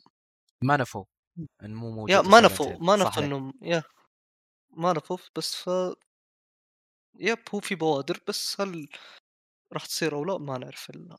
بس شوف أمانةً يعني خلّي المقابلة خلّ محتوى المقابلة أو إنه Silent Hill والّا لأ، شعور غريب فيصل يعني لمّا أنت تشوف مواقع أنت كنت تتابعها وكذا يعني مواقع كبار نفس Eurogamer، IGN مهم. آآ يعني آآ شو اسمه، آآ مواقع بعد هم Rant آآ أيوه، Destruction، PlayStation Universe يكتبون عن الخبر ويتداولونه، هو ترى هنا هني المشكلة، هني المشكلة، هني السبب إنها انشالت، لأن الخب الفيديو خذ يعني بُعد كبير، إمم، إن المواقع IGN وغيره وغيره، شينوبي ال ال بتويتر Dusk Gloom المسرب المعروف لألعاب Resident Evil أو Silent Hill هم كتب، مهم.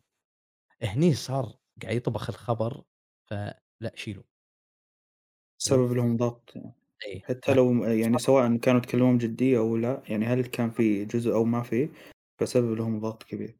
بالضبط، لكن لو كان فرضًا قناة الهب وظل حق جمهور قناة الهب أو الوطن العربي وما خذ البُعد اللي خذاه، ما أعتقد إنه راح كان ينشال، أكيد إيه، صح أيوه.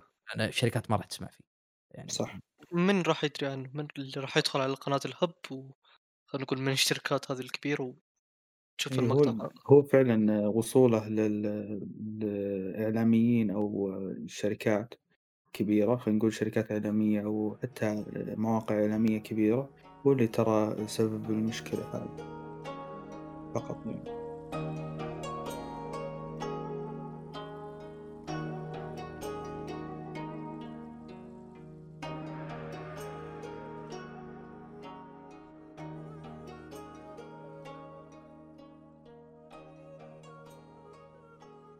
عمومًا خلصنا من اللي هو موضوع الأخبار، وبننتقل للموضوع الأساسي واللي هو الألعاب الاستراتيجية.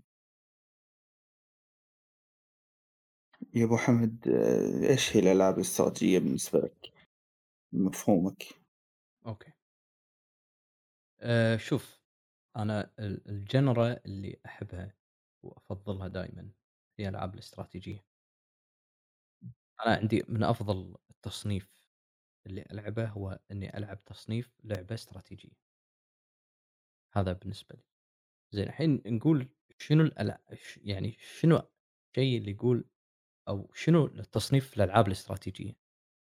الألعاب الاستراتيجية لمّا طلعت آآ طلعت في تصنيفين كبار. حلو؟ التصنيف الأول واللي هو RTS أو Real Time Strategy أو ألعاب استراتيجية آآ آآ بوقت حقيقي. طبعًا مو بوقت أيوه. حقيقي مع إنه إنه يعني وقت بال بالحياة الص الحقيقية إنه حقيقي، لكن إنه أيوه. يعني اللعب شغال. أنت أها. مو أنت تاخذ أكشن وأنا آخذ أكشن، لأ، اثنيناتنا قاعد نسوي الأكشنات بنفس الوقت، أنا قاعد أبني المبنى. الفلاني، أنت فيصل وزياد ومهند قاعد تبنون المبنى الفلاني، أنا قاعد أطلّع دبابة أنتم قاعد تطلعون دبابات، يعني مو أنا أختار الأكشن مالي وأنت تختار الأكشن مالك.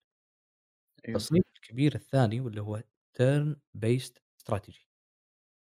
حلو؟ الturn based strategy هو عكس اللي هو الreal time لأ، أنا أخلّص أدواري، أحط شنو اللي أنا أبي أسويه بهالدور، بعدين end turn ويروح لك الدور أنت فيصل، تحط turn أيوه. ويروح حق زياد ويروح. هذيلي تقدر تقول الcategory الكبير التص التصنيفات الكبيرة لألعاب الاستراتيجية. إمم. بعدين تحتهم تدخل تصنيفات ثانية. في تصنيف جاء بالنص. و و و إمم. وأشوف إن شركة واحدة قاعدة تطبقه بشكل صحيح، واللي هو سموه Possible Strategy Game. أيوه. اللي هو عندك المقدرة على توقيف الوقت. اهم. في اللعبة. آه، أوكي. تعطي أوردراتك وبعدين تشغّل الوقت. اهم. يعني هو خالط بين الاثنين، ماخذ إن أنت تعطي أوردرات معينة من الturn base كذلك إن الوقت ماشي، ولكن تقدر إمكانية إن أنت توقفه من الreal time strategy. جميل. فهذه هي الألعاب الاستراتيجية، الألعاب الاستراتيجية ليش ال ال التصنيف المحبب بالنسبة لي؟ لأن هي تقدم لك مشكلة. وأنت تحاول. تحلها. يعني أها. آتي على مثال لعبة مثل Skyline. إمم. لعبة من شركة Paradox حلو؟ هي عبارة عن city building strategy game. طبعًا في تصنيفات كثيرة تحتها في war game في grand strategy game في city building game في simulation game ما راح أدخل في تفاصيل هذه التصنيفات، لأن هي على. حسب اللعبة. حلو؟ وفي. كذلك آآ اللي هم الحين قاموا ينتشرون الcard strategy game. حلو؟ أيوه، هي لعبة أي صح. استراتيجية ولكن أكشناتك تصير بكروت. صح. تبدي تسوي آآ آآ حزمة كروت خاصة فيك building آآ تقدر تقول قريبة من Hearthstone ولكن بطابع لعبة استراتيجية. حلو؟ إمم. الحين زي Cities Skyline أيوه. نفس أيوه. Slayer Sin إذا تعرفها. إمم. أيوه. Slayer Sin هي لعبة استراتيجي. كذلك في ممكن ينطبق عليها المثال لعبة للحين على access هي اسمها Tainted Grail أوكي؟ اهم. زين. الحين وفي تصنيف جديد جاي حق لعبة بتنزل قريب Dice Strategy Game حلو؟ أو هو موجود ولكن اهم. اللعبة شلون؟ إن أنت آآ نفس آآ تعرف الزهر تقطهم يطلع أرقام، بناءً على. الأرقام هذه الpower أو المبنى قوته يعني فيها فكرة اللعبة. ال ال ومقتبسة من ألعاب اللوحية الboard game من نفس Risk والMonopoly. أنا أحب هذه الألعاب اللوحية فأقرب شيء حق الألعاب اللوحية والboard games في ال في الفيديو جيمز هو ألعاب استراتيجية. آآ Cities Skyline هي لعبة city building أنت تبني مدينة. في البداية ما في مشكلة. في البداية أول ما تبدي ما في مشكلة. أنت تبني المبنى الفلاني، تحط المزرعة الفلانية، تحط المكان الفلاني وتحط المكان الفلاني. بعدين يجون الناس يعيشون. بعدين تبدي حلو. المشاكل. ألا وهو مشكلة بالتصريف الصحي. أنت تروح. تسوي محطة تصريف صحي وتبدي توزع البايبات ولازم توزعها بمكان إن الماي مال المدينة ما يمشي على مكان التصريف الصحي عشان الناس ما يشربون ماي أيوه. بقدرتهم مجاري. آآ جاري وبعدها تدخل في مشكلة ثانية واللي هي الوضع الصحي في البلد مخر آآ خطير ولازم تبني مستشفيات كبيرة. أيوه. فهمت الفكرة إن أنت تبني مدينة ماكو مشكلة، بعدين تبدي المشاكل. إنزين، أنت بنيت مدينة كبيرة وس أمورك طيبة وما في مشاكل، راح تواجه مشكلة، أساسي راح تواجه مشكلة اللي هو مشكلة ازدحام. صح. اهم. راح تضطر إن أنت تكبّر الشوارع، لمّا تكبّر الشوارع يعني راح تهدم مباني، ممكن المباني تكون أنت بنيتها مو حاط خطة على هالأساس هذا. هني إمم. أنا أستمتع فيه في الألعاب الاستراتيجية، إنه في مشكلة أنت تحلها. بعدين تحل هالمشكلة تطلع لك مشكلة ثانية، تحاول تحلها، مشاكل، مشاكل، مشاكل تحاول تحلها. هذه شوي أنت تفكّر فيها بطرق مختلفة حق الحل، حلو؟ آآ في من الألعاب الثانية كذلك آآ city building اسمها آآ urban empire. من الألعاب اللي كنت متحمس لها ولعبتها فترة، اسمها urban empire. ضافت city building نفس city skyline لكن ضافت. نكهة خاصة، واللي هي لأ، أنت city skyline أنت مختار المدينة أو عميد المدينة، حلو؟ ولكن عشان تبني هذه الم ال الإقطاعية والمقاطعة هذه، لازم مجلس المدينة يوافق على تمويل الفلوس. إمم. تبدي ترضيات بين شو اسمه، الأفكار ال ال الجماعات أو الأفكار الموجودة بالمدينة، في أفكار متطرفة، في أفكار وسطية، في أفكار أنت تبدي تحايلهم على قولتهم، ففيها شوي عمق سياسي اللعبة. هني أنت تبين ال إبداع المطور، إنه شلون يبين لك إياها؟ إن هي city يعني city building game ولكن بنكهة خاصة. أنا أشوف الألعاب الاستراتيجية آآ ال الغير حربية غير حربية، ركّز. على غير حربية، في تطوّر ملحوظ، فيها أفكار جديدة قاعد تجيبها، صح نفس. هي city building ولكن ضاف لك فكرة إنه لأ، هي city building صح، بس أنت م إذا بتب تبني من فلوسك بالنهاية أنت بتفلِّس فلوسك الشخصية، ولكن في خزنة المدينة، هذه خزنة المدينة ما تقدر تطلّع فلوسها إلا بموافقة مجلس المدينة نفسه، فأنت إمم. شلون تسوي الترضيات السياسية لمجلس المدينة نفسه. هني الفكرة، فأنت غير إن تحديات داخل المدينة نفسها، تحديات دراسية وصحية وغيره، وغيره، وغيره، في تحديات داخل المجلس شلون ترضيات، شلون غيره، وغيره، وغيره. فهذا ال اللي أنا أحبه بالألعاب الاستراتيجية. أنتِ حق ال ال ال الألعاب الاستراتيجية الثانية واللي هي based. الturn based آآ ما أفضّله زايد، ليش؟ لأن أحس في هذا المجال ما كان في تطوير كبير. في ألعاب الاستراتيجية، الreal time فيه خصوصًا الcity building لكن آآ الturn based مثل Gears Tactics، أيوه. XCOM، آآ Phantom Phoenix Point هذه كلها ألعاب turn based كذلك في لعبة اسمها Empire of Sin حلو؟ هذه يكون عندك squad تدخل تسوي مهمات ومشنات وتطوّر على الشخصيات، ولكن كل القتال يكون دوري بعدين دورك، بعدين دوري بعدين دورك. اللعبة اللي استمتعت فيها أنا صراحة في الفترة الأخيرة هي Tactic لأن أنا أحب أيوه. سلسلة Gears of War فجابوا لي لعبة أها. استراتيجية وGears of War أوكي آآ يعني mix طيب يعني واستمتعت فيها صراحة. صح مشابهة وقريبة من XCOM ولكن العالم مختلف، XCOM عالم alien وغيره، ولكن هذا العالم أنا متعود عليه يعني بGears. فهذا. شلون؟ أقول فصار التقبُّل أ أسهل بالنسبة لك. بالضبط، بالضبط. في آآ الألعاب الاستراتيجية كذلك المفضلة عندي هي Strategy Game. إمم. أقرب مثال بالنسبة لي يعني تعرفها مو لازم أقولها لعبة السنة.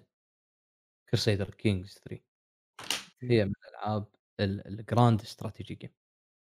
ولكن Crusader Kings تتكلم طبعًا هذه آآ من شركة Paradox تطوير ونشر شركة Paradox شركة سويدية إمم. آآ ودائمًا هم متخصصين بألعاب استراتيجية وعندهم كذا لعبة، عندهم Stellaris لعبة بالفضاء، عندهم Europa Universalis لعبة بالعصور الوسطى تتكلم عن الدول الأوروبية في ذاك الوقت، عندهم Crusader Kings لعبة في العصور الوسطى ولكن تتكلم عن العوائل أو العوائل في ذاك الوقت، يعني أنت تمثل عائلة ما تمثل الدولة، أنت تمثل. إمم. والفكرة منها إن عائلتك تكون هي العائلة ال ال على قولتهم الأكثر prestige في أوروبا في ذاك العصر. فأنت تتحكم في الشخصية، فتخيل ال ال الrole play فيها اللعبة، إن أنت تبني أو أ صفات شخصيتك، آآ الأزواج اللي يختارها شخصيتك، الأبناء وصفاتهم، ال المدارس اللي يروحون لها، آآ مدارس عسكرية، مدارس تجارية، مدارس سياسية، مدارس غيره. هذه الأمور وخصوصًا إن أحد الأبناء راح يكون هو الحاكم، هو الشخصية اللي أنت راح تلعب فيها بعدين لمّا يموت الشخصية اللي أنت قاعد تلعب فيها الحين. أيوه. قاعد تبنيه من الصفر، إن أنا أبيه يكون بمدرسة حربية عشان لمّا يكبر يصير قائد حربي وغيره، وغيره. هني أنا أستمتع أقضي ساعات ك طويلة وأنا ألعب، يمكن أكثر من الألعاب القصصية نفسها، آآ لأن اللعبة القصصية ألعبها أخلّص القصة، سلام عليكم وخلاص، القصة ما راح تتغير معاي. القصة نفسها، راح أمشي على صح. رؤية المخرج، لكن هذه تقدر تقول أعطاني system وقال لي أنت أخرج القصة اللي أنت تشوفها حلوة. بالسيناريو اللي تبيه. وممكن تتعدد. إن الألعاب هذه أكثرها أكثرها متوفر على ال PC لأن في صح. ألعاب استراتيجية على الكونسول نفس Frostpunk موجودة مش Cyberpunk يا جماعة، لا أيوه. يخربط Cyberpunk أوكي. لعبة مو موجودة على. حلو؟ هذه د واضحة. إيه. آآ شو اسمه، آآ Frostpunk لعبة استراتيجية موجودة على ال PlayStation على أعتقد على ال Xbox موجودة ما ما ما أدري. آآ يا أتوقع إنه موجود. لكن أغلب الألعاب الثانية موجودة على الPC فأنت تخيل المودات اللي تنزل. إي الألعاب صح. الاستراتيجية المودات اللي فيها كذلك هم تحلي اللعبة يعني Crusader Kings ذاك اليوم نزل لها مود خلاها Lord of the Ring أوه! غيّر اللعبة كاملة. يا ساتر! صار تلعب ب بAragon تلعب يعني تلعب بالشخصيات هذيل كلهم. شيء مخيف والله. شيء قوي. جدًا. شيء يعطي عمر للعبة نفسها، لأن أنا ما expansion. مود الmodders يشتغلون. قاعد يسوون يشتغلون حتى أحسن من المطورين نفسهم في أحيانًا. شغف. الحلو في استديو Paradox ترى استديو Paradox استديو كان صغير، فيه 27 موظف يشتغل على اللعبة. لما جو الmodders يعدلون على ألعابهم ويضيفون أفكار بالألعاب، الmods اللي يشوفونه ممتاز شو يسوون؟ ينادونه؟ يستضيفونه ويعطونه فلوس الmods اللي هو سواه ويقولوا له حياك معانا بالاستديو. أنت أحد المطورين. راح تكون. نبدأ بفكرته. بنوا استديو على هذا الشغف، إن أنا شغف إن هذه اللعبة أنا أحبها بدون لا يتعبون على الشخص نفسه، هو تعب على نفسه وطوّر آآ لعبة داخل لعبة. إمم. وفكرة داخل اللعبة. وياخذون من الmodders يعني فرضًا في لعبتهم Hearts Fire أنت تتكلم عن الحرب العالمية الأولى، كان أيوه. الmodders كانوا حاطين آآ إضافات مثل إن أنت تسوي آآ خلية استخبارية وتتجسس على الدول الثانية وغيره. في آخر expansion حطوه ك ك كطور أو أو كميزة أساسية باللعبة. إن أنت تبني مركز الاستخبارات الخاص فيك. أيوه. وخذوا الmodders وحطوه معاهم بطاقم التطوير باللعبة. فأنا أنا حيل أحب شركة Paradox.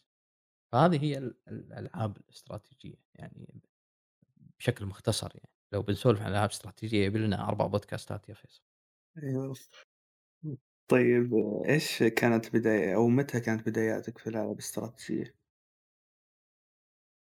شوف ألعاب الاستراتيجية أنا أول ما بديت فيها تقريبًا، تقريبًا بال98 99 لأ والله بعد، بعد يعني بالألفينية يمكن بالألفينية. لما إمم. شرى لنا الوالد جهاز كمبيوتر، فبديت ألعب لعبة stronghold. أوه! إي. المعشوقة. ال إي stronghold آآ خصوصًا للحين للحين من أنا صغير للحين أتذكر لما يقول sire كلمته لما تطق عليه كليك على شخصية أيوه. sire sire يناديك يعني يعني سيدي. فهني أنا حبيت الألعاب الاستراتيجية، آآ شُفت نفسي فيهم يعني. بعدين بلشت ألعب Age of Empire. بعدين نزلت Alert آآ 2 آآ مو نزلت كانت نازلة بس أنا خذ يعني شريتها حلو الله يعز أيام الكوبي حلو أيوه. فشريتها فكنت ألعبها بشكل جدًا مجنون لعبة Red Alert آآ طبعًا مو الجزء الأول، الجزء الثاني إن ما خاب ظني، وكانت يعني قصة كذي تشوف فيديو مصوّر حق اللعبة كت مو cutscene مو cutscene لأ FMV يعني يعني شخصيات حقيقية وممثلين حقيقيين قاعد يمثلون. أوه! إي FMV كانوا مسوينه. يوري وغير يوري وهذيلي الشخصيات اللي كانوا يعني عِز أيام Red Alert عرفت؟ أيوه. خطابات وأهجم على الدولة الفلانية و وأقعد لأ يعني يعني المضحك وين؟ المضحك إن كنت أحط خريطة كذي ورقة وقلم. ويعني أقول إنه باهجم عن طريق هذا هني وأبني أجيب هالجندي وأحطه هني وأبني وأسوي له خريطة شي بالمكتب وأنا قاعد على الكمبيوتر. طبعًا اهم. آآ خطة تفشل أكيد يعني بس بس يعني في خطة، في في مُخ عسكري تبنيها. بالموضوع. فهني بلشت خلاص قمت أنا أحب ألعاب الاستراتيجية وألعب آه. ألعب ألعب نزلت Generals قضيت فيها وقت جدًا طويل Generals وأكيد ما في أحد ما يعرف General مستحيل. لا تقولوا لي ما تعرفون Generals.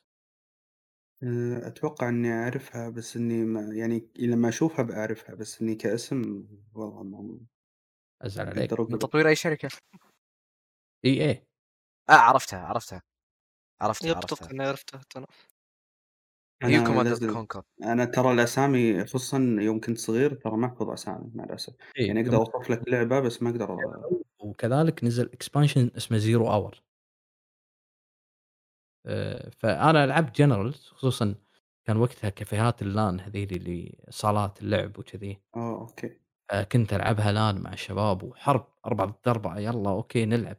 فكانت لي. إدمان عاد أتفق. وقتها. إيه كانت متعة، متعة شيء مو طبيعي. لأ وشنو؟ شرط بعد ربع ساعة تبلش الحرب. ما حد يهجم من البداية، لازم ربع ساعة.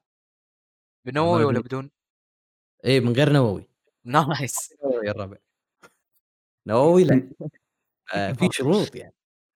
وطبعًا قضيت لعبة War آآ Warcraft، Starcraft طبعًا Starcraft عند ال الشعب الكوري شيء مهول. يحسبون بالبطولات حق اهم. Starcraft يحسبون action per minute. يعني يحطون كاميرا على ال keyboard ويحسبون له action per minute يعني كم action يسوي بالدقيقة. شوفه يوصل 150 action م 200 action دقيقة.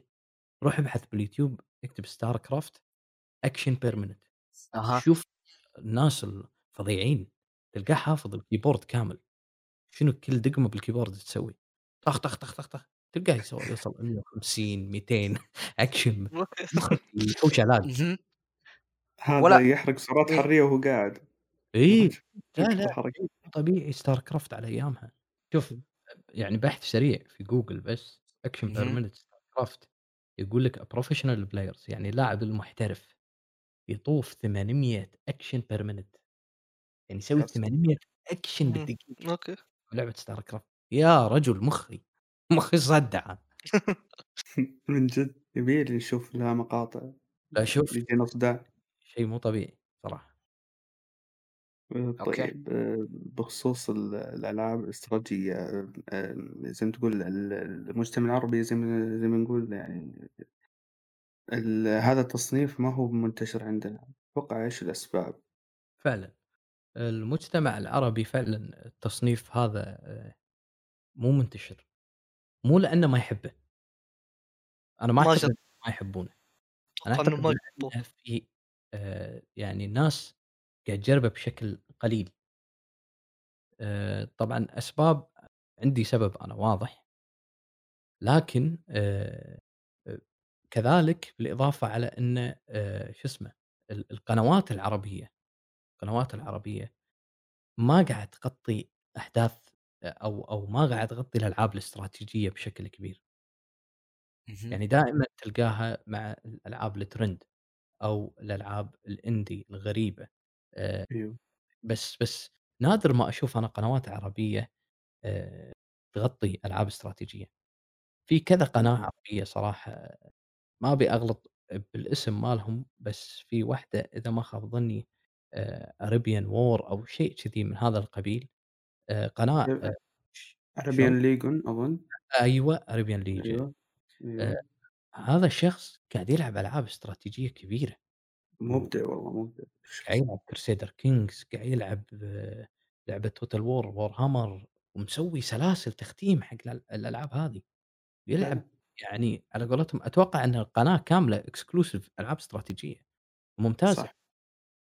ليش أقول لك آآ التصنيف مو مكروه أو أو الناس ما جربوه، السبب لأن قناة Legion آآ عدد مشتركينها تقريبًا آآ 25,000 هو وج وتعتبر هي من أكبر القنوات أتوقع اللي لها هذا التصنيف. اللي اللي تصنيف اللعب فيها استراتيجي. إمم. و25,000 هل أنت يعني أنا شخصيًا أشوف إن قناة مبنية كاملة على ألعاب استراتيجية بس توصل 25,000 بالمنطقة عندنا، ترى هذا شيء أنا أشوفه إنجاز. فعلًا. اهم.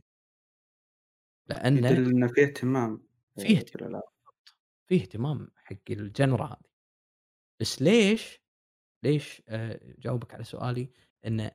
قليل اللي أعرفها من الجمهور العربي أو ما جربها. الألعاب الاستراتيجية أكثرها أكثرها نسبة يعني نقول 95% إذا مو 99% هي حق الPC. صح. و وال وأتوقع اللي حبوها هم لعيبة PC يعني في بالضبط. الأساس. المجتمع. العربي آآ ما ننكر لكن لاعبين الكونسول أكثر من الPC. صح. صحيح. لمّا تروح ألمانيا تشوف إن الألعاب الاستراتيجية في ألمانيا هي رقم 1. ليش؟ لأن الناس أول شيء يحبون ألعاب الاستراتيجي. من أوائل ألعاب الboard game اللي طلعت في ألمانيا. آآ شعب آآ يحب التكتيك وغيره من هالأمور هذه. وكذلك يملك الPC. أها. هني عندنا بالمنطقة العربية ككل شو اسمه ال ال ال الPC أقل حظًا من الكونسول. قيس صح. لك إياها، أنت فيصل الفترة اللي طافت كنت تلعب فيفا. ولا زلت. ولا زلت تلعبها على الPC صح؟ آآ لأ كنت ألعبها console بس هذه كانت أول تجربة للPC هذا الجزء يعني. حلو. إيش رأيك بتجربة على الPC؟ هل تحصل game online؟ آآ آآ لا في بس إنه في بعض الأطوار فعليًا شبه معدومة ال الجمهور فيها. يعني مثلًا عندك Pro Clubs مثلًا، الVolta هذا مستحيل إنك تلقى game وياهم أبدًا. ال آآ مع إن لعبة فيفا منتشرة. صح. فيفا انتشارها مو طبيعي. وما في بيت ما فيه فيفا. صح. ولكن تدخل game online في الPC في أطوار معينة أو حتى لو تبحث يا إن الconnection يكون مو مضبوط أو إنه ما راح تحصل game. صح. مع إن اللعبة مشهورة. يعني آآ السبب إن الcommunity الPC للعبة فيفا مو موجود. صحيح. تروح كود Call of Duty Battlefield على طول تلقى الgame ليش؟ لعبة shooter. صح. فهني ال ال النقطة. الcommunity في آآ الوطن العربي حق الألعاب الاستراتيجية قليل بسبب عدم التجربة. مو لعدم حب هذا ال لأن أنت ما يصير ما أحب أنا الاستراتيجية وأنا ما جربت. صح. يعني مو منطق. أنا لمّا أقول لك أنا ما أحب ألعاب الرعب، أنا جربت ألعاب رعب. بس هي مو التصنيف المفضل عندي يعني أقل تصنيف ممكن أنا أبي أجربه ألعاب الرعب. بس معناتها مو ما جربت كاني قاعد The Medium الحين، لاعب Resident Evil 3 لاعب 4 لاعب 2 بالعب Village لاعب 7 بس يعني مو اللي أتحمس له يعني. عرفت؟ صحيح. لكن اللعبة الاستراتيجية لأ تلقاني أتابع أخبارها، أتابع هذا. لأن جربت عِشت الألعاب الاستراتيجية و وحبيتها. فهذا أعتقد إن هذه إجابتي، إنه اللي هو إن الPC هو الألعاب الاستراتيجية موجودة على الPC. بالوطن العربي عندنا أصحاب الكونسول أكثر من الPC فلذلك ما جربوه. أعتقد. اهم. وغير كذا أقدر أضيف نقطتين ال زي ما تقول الألعاب الاستراتيجية على ال console تقريبًا يعني غير قابلة للعب. تقدر تلعبها بس قليل المُتقَن على إنها تقدر تلعبها على ال console، والنقطة الثانية وأيضًا أي والنقطة الثانية ال دعم اللغة، مو كل لعبة استراتيجية ت زي ما تقول تحت تحتاج منك في بعض الألعاب الاستراتيجية تحتاج منك لغة بشكل يعني جدًا كبير عشان تقدر تدخل صح. جوها، صح. وخصوصا ف إي إي. صح؟ أضيف على النقطة هذه آآ Arabian Legion آآ مشكورين طبعًا، كانوا إمم، كانوا يترجمون لعبة Crusader Kings. ولا وصاروا زال وقطعوا شوط كبير. إمم، آآ طبعًا أنت عشان تترجم لعبة Crusader Kings لعبة تملك من الحوارات والtext شيء مهول، شيء مخيف فعلًا، شيء مخيف الtext اللي فيها، أنت تحتاج وقت طويل، فأنا أشوف إنه حتى هو شخصيًا اللي ماسك القناة، أنا ما أعرفه شخصيًا للأمانة ولكن معجب في قناته، آآ آآ يعني قاعد ياخذ من وقته، ليش؟ يبي يبي الألعاب الاستراتيجية بالوطن العربي تتحسن. أو يكون لها حضور يعني. نفس ألعاب الSoulsborne يعني والّا Bloodborne والحركات هذه. فعلًا وبعدين في ألعاب استراتيجية والله ودك تلعبها، يعني خصوصًا اللي عنده لغة ضعيفة.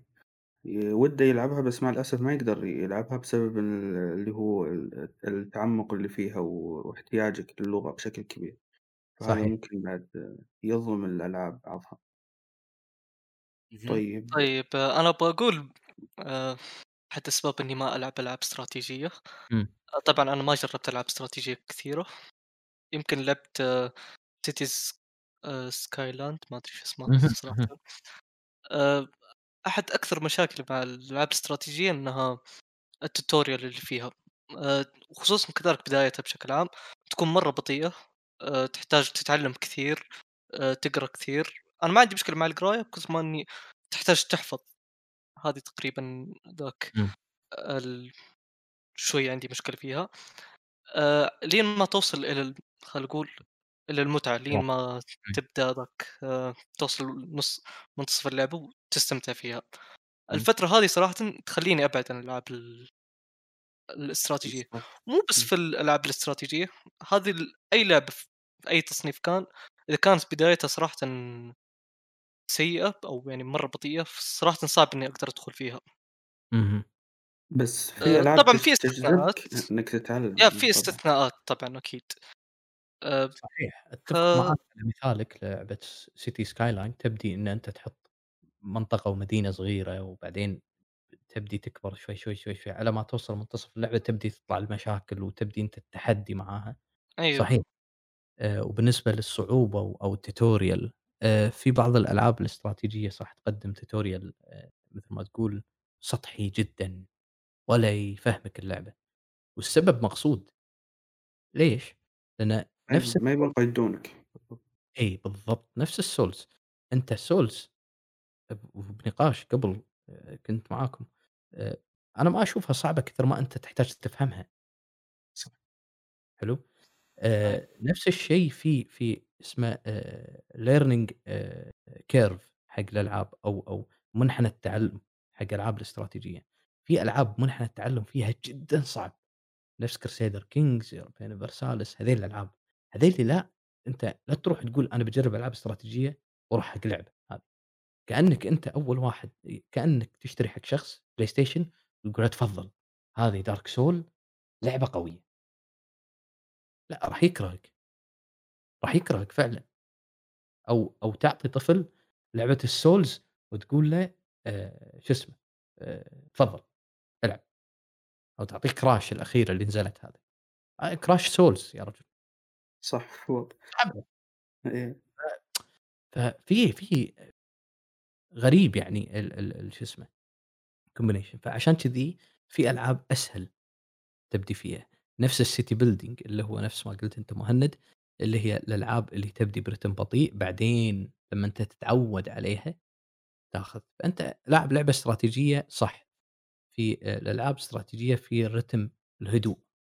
آآ ما ترى ما هي أول لعبة استراتيجية، أتوقع في في لعبة اسمها Vanished إذا ماني غلطان، هذه أقدر أقول إني صراحةً آآ لعبة استراتيجية كذلك هي تعتبر آه، بناء بس يعني نقول آه، أو cities بس إنها أبسط بكثير. كانت جيدة بكل أمانة، بس إني صراحةً ما طوّلت فيها. حسيت إني وصلت لمرحلة ما عاد أدري إيش إيش أبى أسوي. اهم. ما ما رسمت لك خطة زي أبو حمد. صح، صح. ممكن إيه. إيه. خطة. والله لأنه كنت هو مح City Skyline كنت أقعد أرسم هني باحط المخفر، هني باحط ال يعني أسوي blueprint وأقعد ألعب. إمم. إي فعشان لا، لا الألعاب الاستراتيجية فعليًا كل يوم لازم تسوي أنت شيء، يعني تكون مخطط إنك تسوي الشيء. أمّا إنك تقعد كذا تقول بادخل اللعبة عشان ب هي بتخلّيني أسوي الأشياء هذه ما ما ينفع، لازم أنت اللي تبادر يب بهالشيء. صح، صح أيوه. و ومتجددة. فعلًا. ما ما لها ما لها يعني ما لها بُعد ثابت. أنت شنو تسوي راح تحصل نتيجة. صح. الألعاب الاستراتيجية. عشان لا شي أنا وده وهذا اللي يعطيها عُمر طويل الألعاب هذه، تلعبها بالآلاف الساعات عادي ما عندك أي مشاكل. بالضبط. اهم. طيب آآ آآ نصايح أيوه. لأ قبل لا ننتقل للنصايح، لا ودي أعقّب على نقطة ح أبو حمد بخصوص عدم عدم وش اسمه، انتشار الألعاب الاستراتيجية عندنا. آمم، أتكلم لك عن النوعية اللي مثل Crusader Kings Crusader Kings و وEurope Universals. إمم. آآ شوف آآ أنا لعبت اللعبتين بالتحديد هذولا. آآ كيف أقول لك؟ شوف آآ قدرت أستمر، آآ لغتي الإنجليزية تقدر تقول فوق المتوسطة، قدرت أستمر تقدر تقول، آآ المرحلة لا بأس فيها. لكن كيف أقول لك؟ مع الوقت ترى كيف راح تزيد آآ جرعة اللعبة، تقدر تقول من حوارات حتى الأشياء اللي تسويها في اللعبة راح تزيد مع الوقت. لكن مشكلة هالألعاب وش هو؟ إمم آآ اللغة الإنجليزية فيها ترى تعتبر أدبية، يعني بمعنى إنها راح تكون مرة صعبة. آآ يعني حتى لو كانت لغتك فوق المتوسطة راح تتعب معها تقدر تقول. آآ فشوف آآ كيف أقول لك؟ أشوف إن ال حجز اللغة الصراحة هو آآ المانع الأكبر لانتشار هالألعاب عندنا. صح. وإذا تبي مثال آآ أعطيك The Witcher 3 مين كان يعرف The Witcher قبل التعريب؟ صح. تبعها. ترى التعريب تبع The Witcher 3 هو اللي خلى اللعبة تنتشر عندنا في الشرق الأوسط. فيس آآ أشوف التعريب هي المشكلة الأكبر اللي تواجه اللاعبين العرب، آآ تقدر تقول في إنهم آآ يدخلون هالألعاب. لأن صح عليك ترى آآ مو كره، ما يسمى أبدًا كره، لأنهم أساسًا ما جربوها من الأساس. إمم. فمجرد تجربة أو أو عد أ أي أحد يقدر يجرب الألعاب هذا الاستراتيجية جدًا راح تعجبه، خصوصًا من ناحية الحرية اللي راح تعطيها لك، صح عليك مثل تعدد السيناريوهات، أبدًا ما تحدك على شيء معين. أشوف إيه، قصة اللغة هي بالتحديد اللي تعتبر حاجز ما بين المجتمع العربي والألعاب الاستراتيجية بشكل عام. طيب. في في سؤال يرد على هذا الموضوع ف فهو اللي هل كل الألعاب الاستراتيجية تحتاج لغة عشان. تقدر تلعب فيها وتستمتع فيها؟ لا، لا، لا، لأ، لأ مو كل الألعاب الاستراتيجية تحتاج للغة. آآ النمط اللي قبل شوية ذكرته في ألعاب Crusader Kings 3 و يورو Europe Universal هي يب إمم. بالتحديد هي اللي تحتاج لغة. لكن عندك ألعاب زي أتوقع تصنيف ال آآ الbest 10 استراتيجي مو كذا؟ اللي تح اللي تدخل تحته Gears Tactic وXCOM يب ما أشوف إنه يحتاج مرة اللغة الإنجليزية. إمم يب آآ لأن هالألعاب صح. تقدر تقول عنها الأشياء على اللي فيها إيه التجارب. صح عليك،. صح عليك. فإيه ما تحتاج هالنوعية من الألعاب باللغة الإنجليزية بشكل كبير أو إنك متمكن من اللغة الإنجليزية. بعد الألعاب اللي وش اسمه آآ زي لعبة City Skyline اللي من هالنمط يب ما أشوفها تحتاج اللغة الإنجليزية بشكل كبير. رأيك أنت؟ ألعاب ألعاب الcity building آآ وألعاب كذلك الtactic آآ شو اسمه سوري الت الtactical turn based strategy غالبًا ما ما ما تحتاج اللغة كثير. آآ نفس مثل ما. ذكر زياد آآ City Skyline آآ Gears تا Tactics بالإضافة أنا باضيف لعبة آآ Two Point Hospital وكذلك Project Hospital. Two Point Hospital تعتبر من الألعاب الاستراتيجية الكوميدية. إنه جميلة هذه اللعبة. إي إن أنت تبني مستشفى، هي لعبة استراتيجية ترى. فعلًا. هي كيف simulation كيف. تدير إيه وكيف تدير كيف تدير المستشفى هذا. المستشفى. يعني شُفت Two Point Hospital هي ترى كانت لعبة قديمة نازلة على الPlayStation 1 اسمها Hospital. إمم. جددوها آآ ما أدري شلون جددوها يعني هل خذوا حقوق Theme Hos هل حقوق Theme Hospital لأن من زمان ما نزلوها راحت؟ ما أعلم، ولكن Two Point Hospital فعلًا تذكّرني مو تذكّرني، الأصوات المستخدمة كلها Theme Hospital لعبة كانت إمم. على الPlayStation 1 وكنت ألعبها أنا على الPlayStation 1 أوه!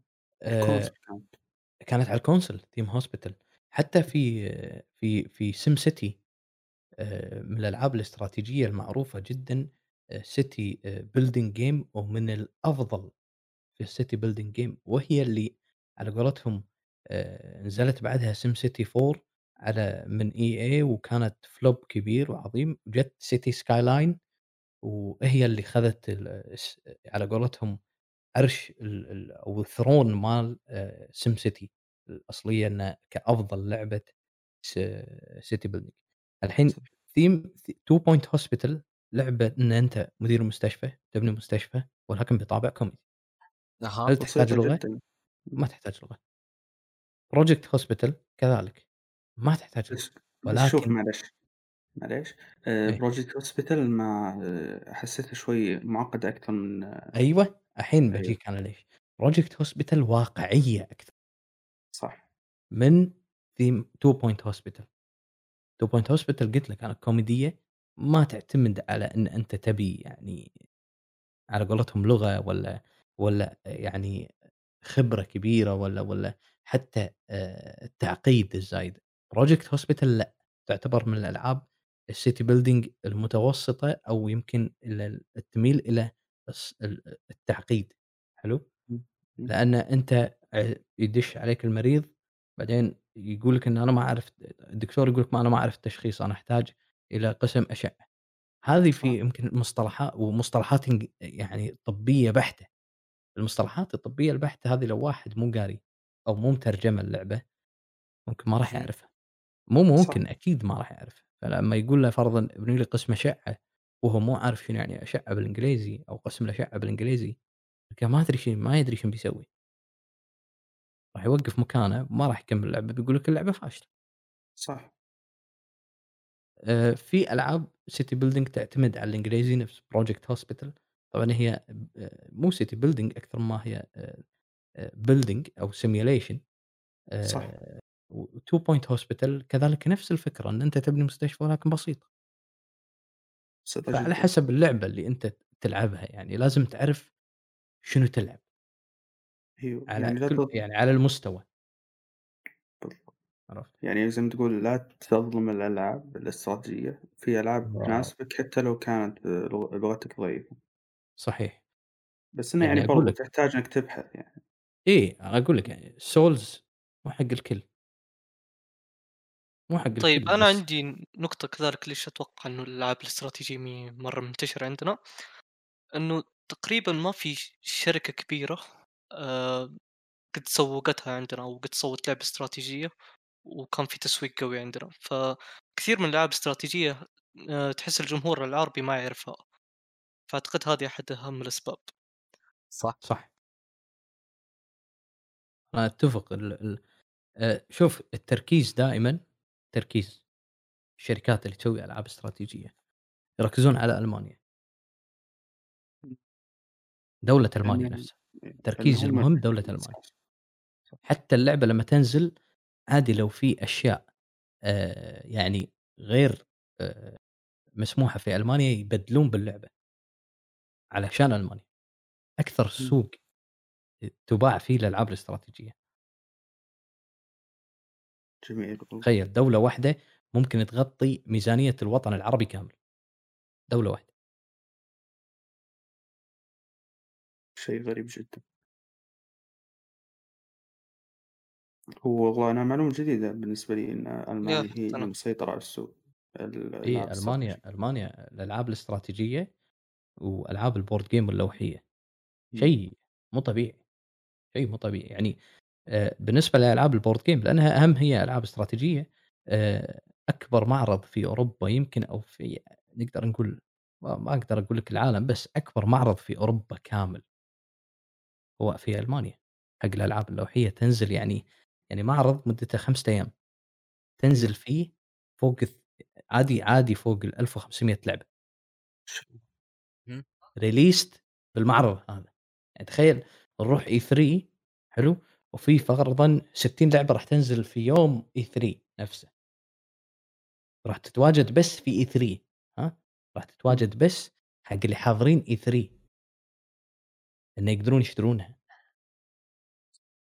بعد 6 شهور تنزل في السوق الأمريكي، أو بعد 7 إمم. شهور 8 شهور، فأنت تخيل ال الدولة والفكر الأشخاص اللي في هذه الدولة للألعاب الاستراتيجية.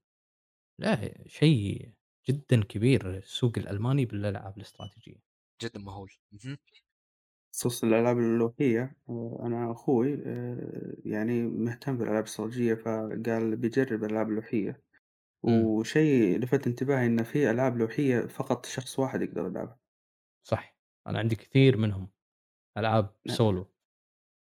يعني استغربت من أنا هذا الشيء يعني أنا تحس إن في ال أغلب أيوه. إي عن عندي عندي group يعني نلعب معاهم ألعاب لوحية وشي كل أسبوع مرة، ولكن الألعاب اللي أنا أشتريهم دايمًا أركز هل هل أقدر ألعبها بروحي والّا لأ؟ لأن لأن لما أكون في البيت عادي أبطل وتلقاني ألعب لعبة استراتيجية واللع أنت تلعب ضد اللعبة، عرفت؟ إيه. فهذه تجربة مقاربة لألعاب الاستراتيجية نفسها.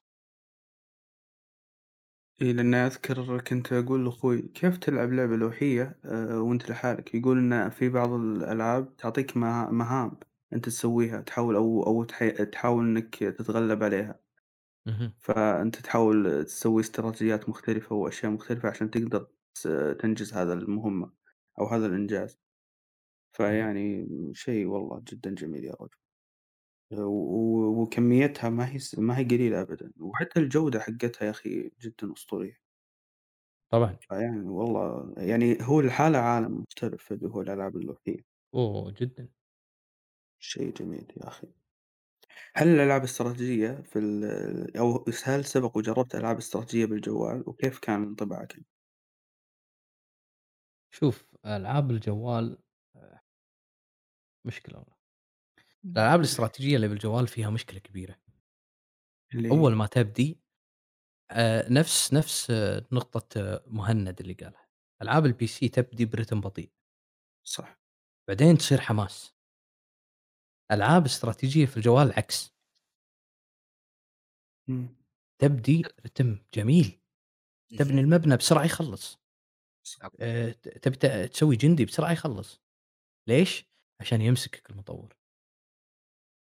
وبعدها يبدي تبي تطور هالمبنى انطر 4 أيام عشان يخلص، 4 أيام حقيقية عشان. يخلص.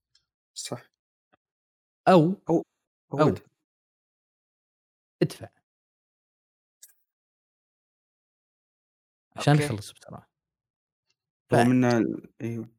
فهني مشكلة، هذه مو لعبة استراتيجية، اهم. هذه إمم. لعبة أنت تبي تاخذ فلوسي. بس. آه أوكي.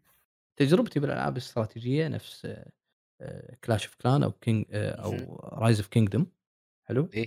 التجربة كانت بسيطة يعني كذي تعرف اللي نزّلتها يوم أو يومين لعبتها لما وصلت مرحلة إن ادفع عشان امسحها. أوكي. آآ أنا وأبي أعقّب على خلاص. كلامك. سوري لو قاطعتك. م لأ شوف ترى كل الألعاب الاستراتيجية في الجوال كلها، كلها ترى إي. copy paste عن Clash of Clans حرفيًا. لا،. لا، لا. لا، لا، لا، لا ترى إلا الاستراتيجية اللي يمكن of لحد Kingdom. لا، لا. فيها عند ترى Clash of Clans بعد. عند أخوي لعبة بس والله ما أعرف اسمها بالضبط، لو أها. إذا قدرت أك تتواصل معي وتحط صورتها أوكي. قدرت يعني. آآ في لعبة استراتيجية جدًا جميلة، هو عنده ألعاب استراتيجية بالجوال وما ما نظامها ما تدفع، ما أذكر. إنه قال إنه بس إنه هو ما يحب الألعاب اللي تدفع، شوف فباشيك على على وضعه وب وباعطيكم خبر أو حتى ممكن أوكي. أيوه. اللي تقصدها اسمها Civilization. ما لما أدري أنا ما تشتريها. تشتريها إيه. تقريبًا ب$20 Civilization 6 هي لعبة أصلًا إيه، إيه صح، للPC صح، صح. موجودة على حلو؟ الجوال. وكذلك موجودة على التليفون وعلى الآيباد حلو؟ إمم. Civilization 6 لعبة تشتريها ب$20 مرة واحدة تدفع لها غير الDLCات إذا تبي تشتري، تلعبها لعبة استراتيجية بحتة، لكن هذه أنا تجربتها في الPC ليش أجربها بالتليفون؟ عندي إياها على الPC لكن ممكن تقول إذا تجربة تبيها فرضًا أنت مسافر والّا هذا وأنت حيل مدمن ألعاب استراتيجية يعني ولازم تمخمخ نفس القهوة، إمم. ممكن تحطها بالتليفون. من باب اللي يعني. تسهّل عليك التنقل.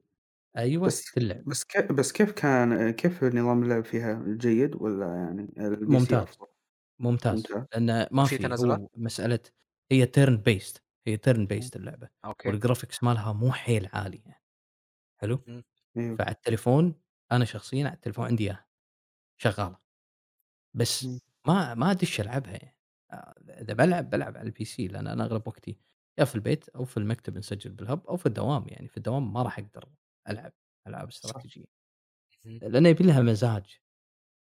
تقعد تلعب وأنت مزاج يعني، وطقوس الأ عشان فعلًا الألعاب الاستراتيجية ما فعليًا ما تجلس كذا أو نص ساعة عشان تلعبها ما ينفع، لازم أقل شيء 3 ساعات، ساعتين، بالضبط. أقل شيء يعني عشان تقدر فأنت فلازم تفضّي نفسك. يخلص الشحن وأنت للحين حتى ما سويت مدينتك صح. صح. فعشان كذي، أما الألعاب الثانية واللي هي أكثر انتشار يعني أنا ما أعتقد civilization 6 في كثير يدري إنها في التليفون، أما الأكثر انتشار واللي هي of clans kingdom آآ هذه ممكن بغيت آه نفس صح. أسمسر الجانرا. عليكم، اهم. أسمسر عليكم، بس. شو اسمه لعبة rise of kingdom أيوه. صح في ناس دفعت مبالغ كبيرة على اللعبة، والفكرة صح. الأساسية ترى كانت ترابيان. إي، إي. بس شوي عدلوها يعني حطوا شوية graphic طيب وgraphics حلو، الفكرة الأساسية كانت ترا ترابيان موجودة. أها. بس ما تنكر الألعاب هذه ممتعة، بس اللي ينقص اللي مشكلتها اللي هو ادفع عشان أنت إيه. عشان تصير قوي أو عشان تخلّص بوقت أو شيء زي كذا. عشان تكملها من لو الأساس. يشيلون لو يشيلون الدفع هالألعاب هذه ما تكمل. فعلًا. ما أتوقع إنها بتكمل فعليًا صحيح، لأنه ما راح يكون في دعم عليها أو زي ما تقول ممكن آآ لا والله ما راح تحقق انتشار كبير لأنها مجانية زي ترى. ال لأنها مجانية تحقق. انتشار فعلًا. أو أرباح من طيب الأساس. micro transaction أساسي تقدر تقول عشان يطلعون أرباح. بالضبط. أوكي. صحيح. طيب نصايح الألعاب الاستراتيجية تستحق التجربة بالنسبة لك؟ أوكي. أنا أنا باحترم السوق الخليجي واللي هو سوق ال console. إمم. ف آآ نصايح حق سوق ال console لعبة اسمها Frostpunk دايمًا أنا أنصح أي شخص يبي يلعب ألعاب استراتيجية روح العب Frostpunk. لعبة فيها survival city building ضافت شيء جديد على الgenre ألا وهو الsurvival element مو موجود من قبل في. إمم. في الcity building موش موجود. إن أنت تحاول تعيش قدر الإمكان. ما. كان موجود كcity building game حلو؟ أنت تبني مستعمرة حلو؟ في أحد الأقطاب سواء الشمالي أو الجنوبي. آآ هذه و وأعم الجليد بالعالم. فأنت هذا المكان كان مركز أبحاث آآ في في آآ أحد القطبين. آآ وفي مولد كهربائي أو مولد حراري. يشتغل على. الفحم. أنت راح تبدي كsurvival عندك 27 موظف أو 27 عامل يختارونك أنت إن أنت آآ عميد هذه المدينة أو المستوطنة. فتبني آآ تبدي تجمّع الفحم، تكسر الخشب المتلج، وتجمّع الحديد، تبني مستعمرة حقهم، تبدي تطلع المشاكل لأن في برد قارص يعني وجليد وحركات. فأنت قاعد تلعب على درجة -40 تحت الصفر. آآ فتبدي الناس يمرضون، يحوشهم أمراض، تبني مستشفيات، آآ تستخدم طرق علاجية يعني على قولتهم بدائية. آآ اللعبة فيها فيها حماس من البداية. هذه حق. مهند يعني لعبة حماس من البداية. اهم. ليش؟ لأن أنت ح تحاول تعيش وتتعايش أو أو تصير surviving من البداية، من الدقيقة 0. مو نفس ألعاب الcity building الثانية، لأ اللي تبني المدينة شوي شوي بعدين تطوّر، لأ هذه من الصفر. ونزلت لها إضافات جدًا ممتازة، إضافات قص قصصية يعني. إضافة آآ أحداث ما قبل شو اسمه المولد. تلعب أنت شلون أساس هذا الملو المولد صار. أنت تبني أح تلعب أحداثه. أيام كانت ربيع وما في ثلج وما في أنت تتوقع أن الحياة راح تكون أسهل، لأ. في ناس يحنون عليك في الدولة الأساسية بريطانيا إنه راح نقطع عنكم الإمداد والتموين ومن هالكلام هذا. أنت أيوه. لازم توكل الشعب اللي عندك، كذلك لازم حرارة تحافظ عليها، تبني مستشفياتك، تسوي أبحاثك، تدور على آآ ناس ثانيين. فأنا أعتقد فروست بانك آآ لعبة اهم. تستحق إن الواحد إذا يبي يحب ألعاب استراتيجية أو مو إذا يبي يحب ممكن ما تعجبه ما ما أدري بالنهاية يعني هذا recommendation على قولتهم أو أو آآ أيوه. آآ من الألعاب الاستراتيجية اللي استمتعت فيها طيب طبعًا wait هي من ما بقاطعك يا أبو إيه. حمد. آمم، أوكي أنا لازم أوضح نقطة إنه مو لازم دايمًا تكون حماسية من البداية للعب، بس يعني آآ، كيف أشرح لك إنه الtutorial حقه في العادة يكون آآ، سيء بس هذا اللي حابب أوضحه إنه عشان كذا يمكن ال الألعاب الاستراتيجية شوية أبتعد عنها. إي، آآ، إي بس Forest Bank بكل أمانة قد سمعت عنها وصراحةً ما شفت لها شيء لكنك حمستني والله كلامك عليها. فممكن جميلة، عطها عطها فرصة، ممكن من فرصة بكل الجميلة. أمانة. آآ يمكن يمكن لو أقول لك بس الاستديو منو اللي طورها تتحمس. الاستديو اللي طورها استديو اسمه 11 bit ما أدري إذا سامعين فيه لأ. أيوه. إمم، لأ ما أعرفه. في لعبة اسمها This War of Mine. أتوقع أوكي. فيصل يمكن لعبتها. هذه لعبة لعبة أوكي. أتوقع عرفتها، اللي 2D عرفتها. قصصية، إيه،؟ عرفتها. أيوه yep أتوقع 2D بال بحرب من الحروب وأنت تحاول تعيش في على قولتهم آآ ملجأ. أوه أوكي، تبني لعبتها فتب إيه. أيوه. هذا الاستديو 11 bit سوى Punk. إمم، جميل والله. أها. لعبة أخذت تقييمات جدًا ممتازة كلعبة. أنا أشوفها آآ هي ما دام موجودة على ال console راح تخدم أصحاب ال console كذلك تخدم أصحاب ال PC ف recommend أو أو نصيحتي هذه حق أي شخص يبي يجرب سواء عندك console أو PC Frostpunk موجودة. جميل تبي أعتقد إنها موجودة حتى في الGame Pass إذا ماني غلطان أضافوها. آآ بالGame Pass كنا موجودة في الXbox Game Pass اللي أيوه موجود على الPC. بالXbox آآ، ما أدري عن الPC والله بس أتوقع موجودة في ال الGame Pass حق الXbox ما نفسه. ما بس ممكن موجودة على الPC أعتقد موجودة على الPC. اللعبة ما أعتقد إنها غالية يعني حتى لو بsteam ما أعتقد إيه ممكن صح. إيه. لأنها آآ تعتبر قديمة شوي. ده عمرها 6 سنين تقريبًا أو 7 سنين. نزلت في 2014. إيه آه. هي عندنا هني بالكويت أنت تتكلم عن 5 دنانير Bank اهم. يعني ما أدري كم بالسعودي آآ Frost آآ لعبة أنصح فيها صراحة. من الألعاب اللي استمتعت فيها و ويعني أنا تكلمت عنها كثير في حتى في Redbox آآ سواء من الإضافات أو تغطية الإضافات. ممتعة، لعبة ممتعة. آآ بالنسبة وبعد ال لي أيوه. هي ب46 ريال. حلو؟ أوكي. أها. آآ فأنصح إن آآ إذا تبي تلقي نظرة، الق نظرة على Bank. تبي شيء بسيط، شيء كوميدي يضحك، بس ما راح يعطيك تجربة يعني اللي اللي هي فعلًا الألعاب الاستراتيجية آآ أو الألعاب city ب ال الbuilding هي لعبة فيصل Two Point Hospital. صح. فعلًا يعني ما هي لعبة استراتيجية بحتة، بس هي لعبة زي ما تقول تعطيك فكرة عن الألعاب الاستراتيجية وممكن تدخلك أيضًا الألعاب الاستراتيجية. فيعني ممكن ت تاخذ جرعات يعني ثانية آآ فعلًا تكون تستحق تكون ألعاب مفضلة لك يعني ما هي ما أتوقع إنها بتكون شلون أقول لك؟ إمم. ما ما تعطيك الجرعة الكافية، فلو أنت احتجت الجرعة فبتكون الألعاب الثانية آآ أخرى بتكون جرعة ممتازة لك.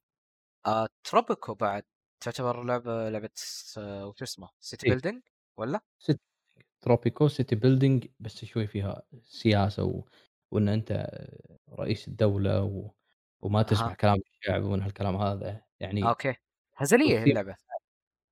شلون؟ آه، ه هزلية إيه اللعبة تعتبر. هزلية اللعبة. اهم. الثيم مالها إن أنت شلون تصير آآ ديكتاتوري بحت. هذا الثيم مال Tropico. لكن أنا ما حبيت صراحة Tropico 6 آخر Tropico نزل ما ما حبيتها. آآ أنا بس لعبت 5 مرة أعطاني انطباع رهيب عن إيه السلسلة. كانت كان كانت ال6 كانت 5 على قولة الأسطورة لابسة كرافتة. إمم. ما ما في شيء جديد. آه أها. أوكي. هذا بالنسبة للألعاب الاستراتيجية اللي أنصح يعني إنه واحد يلعبهم، وألعاب أتوقع إنها بسيطة آآ ما تحتاج لغة زايد أتوقع اللغة ال- اللي عند أي شخص ممكن يلعبها آه، أما ألعاب ثقيلة ف Total War Total War. خصوصا جزء 3 Kingdom اللي هو عن. توحيد الصين اللي يحب القصص آه، الأسطورية أو أو الخيالية في في الشرق ال- آه، آسيا سواء الصين ولا ثيم اليابان والسوالف هذه فلعبة Total War 3 Kingdom اللي يحب الفانتسي والأورك والدوورف وثيم يعني قريب من Lord of the Rings فهي Total War Warhammer راح تعطيك هذا الشعور. ولكن حط ببالك إن اللعبة تحتاج إلى لغة. هذه اللعبتين تحتاج حق لغة. فعلا آه، من الألعاب الدسمة جدا. يعني. أي, أي واحد مبتدئ أو لغته ضعيفة مستحيل إنه يقدر يلعبها تقريبا. آه، عندك ال- ال- اللعبة اللي تقول في في الصين هذه اللي تمسك الجيوش كاملة تحكم فيها؟ اي آه أوكي. لأن هذه سبق وشفتها عند أخوي اي Total War فيس. طيب ابو حمد بغيت اسالك. عن Wasteland. قد جربتها شيء؟ Wasteland جربت بدايتها أه، استمتعت وأنا أجرب بدايتها بس ما أدري شنو نزل معاها بنفس الوقت وخلاني أوقف عنها ولكن راح أرجع لها قريب إن شاء الله Wasteland تعتبر من الألعاب ال tactical أو turn based tactical شو اسمه نفس حالها من حال Gears Tactics يا اي أه، ولكن ال twist إن اللعبة فيها قصة فيها crew تسويها crew تطوره أه، كذلك في أجزاء سابقة للعبة ما لعبتهم أنا شخصيا Wasteland 1 Wasteland 2 ولكن Wasteland 3 لعبت منها فترة بسيطة أول ما نزلت خصوصا إنها متوفرة كانت بعد على ال Game Pass وما زالت متوفرة على ال Game Pass مم. راح أرجع لها ولكن عجبتني في بدايتها. ابى اضيف على آه، كلام مبارك آه، أيوة. قصدي كلام أبو حمد أبو حمد آه، إيه. إيه آه لعبة Wasteland أنا لعبت تقريبا أول ثلاث ساعات فيها مرة عجبتني الصراحة اللعبة آه كلعبة آه وش اسمه؟ وش اسم التصنيف هذا؟ هذا؟ tactical turn based strategy أطول من حياتي التصنيف أتفق والله شوف turn based based strategy الصراحه أشوف هذه من أفضل الألعاب اللي جربتها أنا لأن جربت قبلها XCOM و Gears Tactics آه الصراحة عجبني اهتمام مرة بالقصة. ترى الحوارات اللي فيها جدا رهيبة الصراحة. آه تقدر تقول عن الأحداث بعد تبعت اللعبة. أنا صراحة أهتم بالقصة بشكل كبير في الألعاب بشكل عام. آه القصة مرة كان فيه اهتمام رهيب فيها من ناحية الكتابة بالتحديد. آه بعد في تمثيل صوتي حلو الصراحة في اللعبة. مم، تقدر تقول من أكثر الألعاب اللي دخلت جوها. آه مع إني مجرب قبل العاب مثل أنا XCOM أنا جربت اول بدايتها وعجبتني إيه؟ راح أرد عنها بإذن الله. طيب أنا م- من ضمن الألعاب اللي آه، أنصح ش- ال- ال- اللي زي ما تكون مبتدئين إنهم ي- يجربونها بس على ال PC اللي هو سلسلة Stronghold إيه يا أخي آه، جميلة جدا تعطيك بجرعة جميلة من يعني تقدر تقول إنها بداية حقيقية للألعاب الاستراتيجية.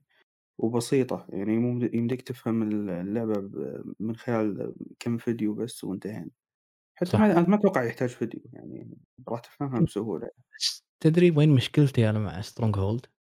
إيش المشكلة؟ إذا تعطيها ناس الحين يلعبونها راح يقول لك ال graphics آه لا ترى ال graphics فيها ج... آه، يعني أنا ج- جربتها الفترة الحالية إيه؟ آه، لما تلعب النسخ ال HD ترى ما جدا جميلة جدا ممتازة أبي أضيف نقطة أوكي؟ أبي أعقب على كلام آه آه، أبو حمد. لا شوف Stronghold آه الجزء الأول وجزء والجزء الثاني بعد. شوف سترونج هولد ترى وش اسمه؟ تركز ترى على الجمالية مو الواقعية في التصميم تبعها. جمالية التصميم هو اللي تركز عليها تركز عليها اللعب بالتحديد تقدر تقول. شيء زي هذا أشوف إنهم قدروا يطبقونه بشكل جدا جميل. وإلى الآن ترى تعيش اللعبة. مرة إلى الآن إيه. تعيش؟ تقدر تستمتع فيها؟ يا رجل. بتنزل بينزل لهم جزء جديد صح؟ من السلسلة. بس متى بينزل؟ وور لورد إيه. الصين تقريبا. اي في مارس. لعبته. آه، مم. ما عجبني صراحة. ما ما عجبك؟ مو كيف؟ سترونج. ليش؟ ما- يعني في آه، أشياء أنا قلت لك التصنيف هذا الريل تايم ما في الفترات السابقه أوكي. في ما كان في تطوير كبير إمم. نهائيًا. آآ شوف التصوير كان ممتاز، ولكن إضافات ثانية عقّدوا اللعبة، واللعبة تعتمد مثل ما قال زياد على جمالية أكثر مما هي يعني تعقيد. لأ، هذه إمم. لعبة basic كانت، كانت حجر أساس، كمّل على حجر الأساس هذا. أوكي، عطى روح جديدة، لكن لا تعطيه الروح الجديدة بالتعقيد اللي أنت سويته. ما ما ما أدري. ما عجبتني. ال المناطق آآ اللي قبل كانت مفتوحة ترى، كانت مناطق كبيرة. صح. في في الأجزاء السابقة. هذه لأ، حط لك إمم. منطقة صغيرة، وداخل المنطقة الصغيرة في 4 دول. هذا طبعًا! اللي أنا جربته من الPre Alpha لمّا أعطوني الPre Alpha جربته، feedback إنه لأ، كبروا الخريطة، ردوا أيام stronghold قبل، قالوا لأ هذا الcampaign بس كذي، في sandbox راح نفتحه وفي الأونلاين فيه، فما أدري أنا أها. على الcampaign ما عجبني. كلام يخوّف والله. والله إي، وخصوصًا إن اللعبة ترى أخذت سلسلة تأجيلات محترمة ترى. أوه! فعلًا أتوقع إنها كانت المفروض تنزل قبل شهرين أظن، بس إنها ما ما طافت. إي، وبعدين كان المفروض إنها تنزل كنا شهر 3 بعدين الحين أجلوها بعد مرة. طيب آآ أتوقع خلصنا من من ال الفقرة الأساسية، وبالحين نشوف أسئلة المتابعين تقريبًا. ما في أسئلة كثير يعني بالكثير خلينا نقول 5 أسئلة 6 أسئلة بس. أوكي. وأغلبها في بعض الأسئلة مكررة راح نذكر أسامي الأشخاص ونمشي يعني نقول إن ذكرناها سابقًا.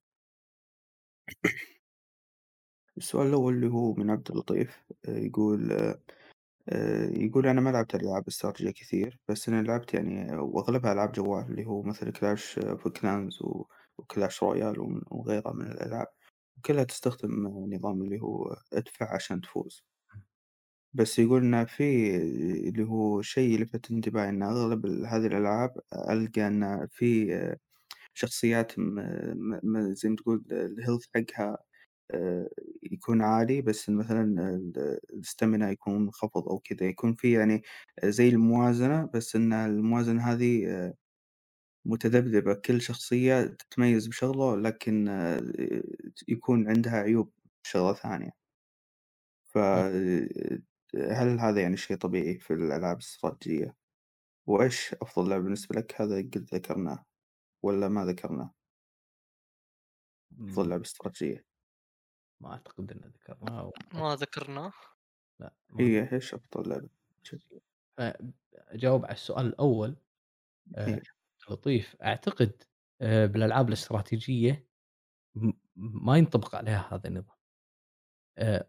of Clans وClash Royale آآ Clash Royale ما أدري بس أعتقد Clash Royale هذه اللي اللي فيها اثنين يواجهون بعض صح؟ صح. إي. صحيح أيوه. إي، هذه Clash Royale ما ما أتوقع إنه ينطبق عليها إنها هي لعبة استراتيجية، هذه لعبة 1v1 آآ مع الكروت، في أتوقع له تصميم أو genre خاص، هذه يسموها. آآ حتى نزلت حق Gears نفس نظام Clash Royale. أي صح. لعبة Gears Gears نفس نظام اسمها كذا؟ صح. Pop. ما أدري إذا هذا تصنيف السبب. والّا لأ. ما عندي علم صراحة، لكن ال على تكملة الكلام إن شخصيات تمتلك كمية كبيرة من الhealth وسرعتها بطيئة، قوة الضرر عندها آآ قليلة ينسجم الbalance هذا ألعاب الاستراتيجية ال ال ال على قولتهم آآ الكبيرة أو اللي مبنية إنها تكون استراتيجية ما فيها هذا الكلام. والأصل إنه يكون ما فيها هذا الكلام. لكن إمم. اللي اللي ممكن أقربه حق المثال اللي انضرب هي ألعاب الMOBA اللي هي multiplayer أها. آآ MOBA multiplayer آآ ما أدري شنو اختصارها. multiplayer online آآ MOBA battle arena ممكن هذا التصنيف لا صح لك، صح لك. arena arena صح لك. أعتقد هذا التصنيف اللي هي League of Legends، Dota 2 وكذلك مالة Blizzard Heroes Storm of Heroes أو Heroes of Storm هذه اللي فيها لازم يكون فيها الbalance. ممكن ينطبق على الألعاب الاستراتيجية فرضًا إذا أنت تطلّع هذا الجندي، الجندي حركته الفلانية، سرعته فلانية والدمج ماله الفلاني. لكن هذه الجندي اللي عندي راح يكون عندك.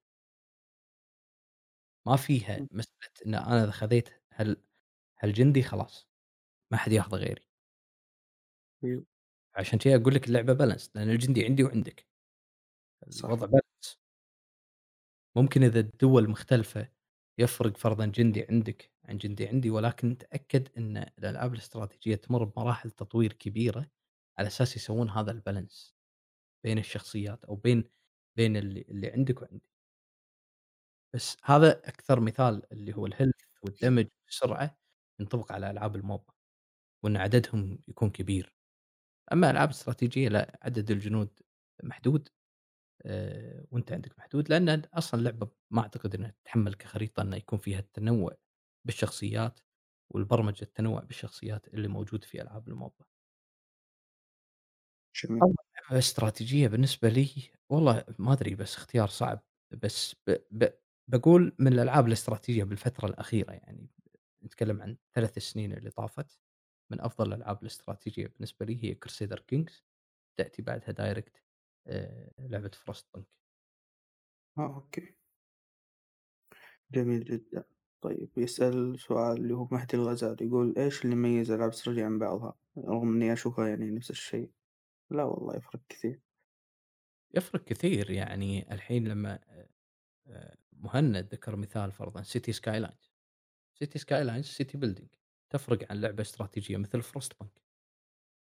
تفرق فرق كبير، مع إنها نفس التصنيف الاثنين City building City building. بس هذه ضافت لك الsurvival هذه ما ضافت لك الsurvival هاي ضافت لك مشاكل وتحل شلون المشاكل. ال ال التصنيف متشعب كبير يعني تصنيف متشعب، متشعب يعني مثل ما أنت تقول لي الحين آآ، شو الفرق بين ألعاب ال action RPG كلهم أشوفهم نفس الشيء. يا صح. لأ، ألعاب ال action RPG مختلفة تمامًا، تختلف عن بعض، كلهم كل واحدة تختلف عن الثانية. لأن التصنيف كبير، لكن لما تحدد لي تقول لي فرضًا آآ، ال ال آآ، ألعاب ال ال ال turn ال tactical turn based شنو الاختلاف بينهم؟ في لعبة تفرق عن لعبة، ولكن ال ال الطابع واحد مالهم. أنا إمم. كذي يعني، ما أدري. طيب آآ، يوسف يا صح يقول كلام منطقي. يا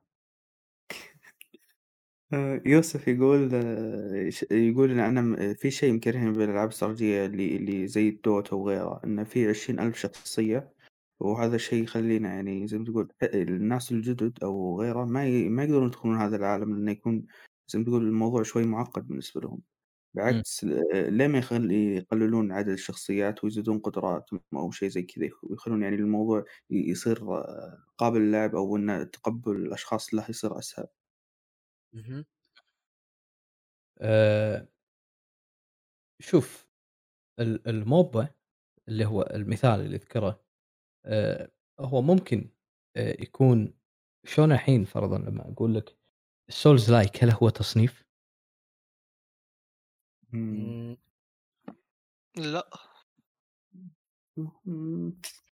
ما أدري والله. حلو. هو تصنيف فرعي من تصنيف أساسي واللي هو الأكشن RPG. أيوه. ياه صحيح. هذا هو. الموبا تصنيف فرعي من تصنيف الاستراتيجي، ولكن الناس كلها آآ، آآ، يعني التصنيف الفرعي دائمًا يكون مختلف تمامًا أ مو مختلف تمامًا، في روح من التصنيف الأساسي ولكن بنكهته الخاصة. حلو؟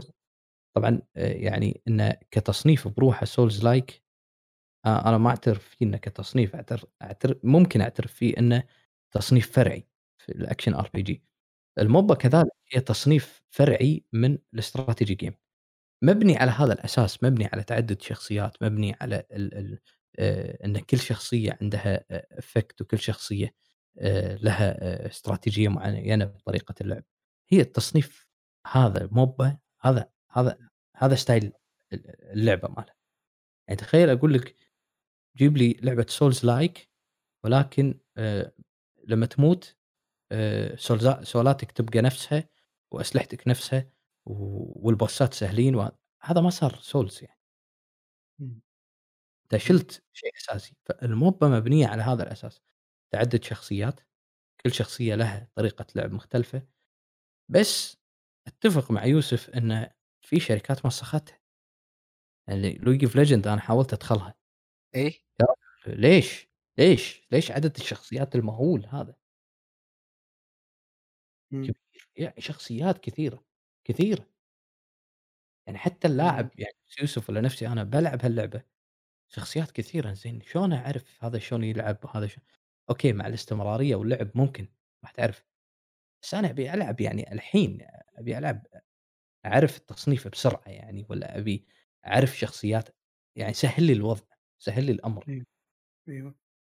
فهذه ممكن ينفّر بعض الأشخاص من الألعاب الاستراتيجية، فأنا أقول لك روح حق تصنيف ثاني مو لازم تروح حق الجنرا مالة الموبا، روح حق جنرا الcity building روح حق جنرا الwar game روح حق جنرا نفس الأشياء هذه، نفس stronghold frostpunk آآ آآ theme hospita two point hospital آآ gears tactics XCOM روح حق التصنيفات هذه اللي أنت تعيش حياتك معاها، هذه الألعاب الاستراتيجية.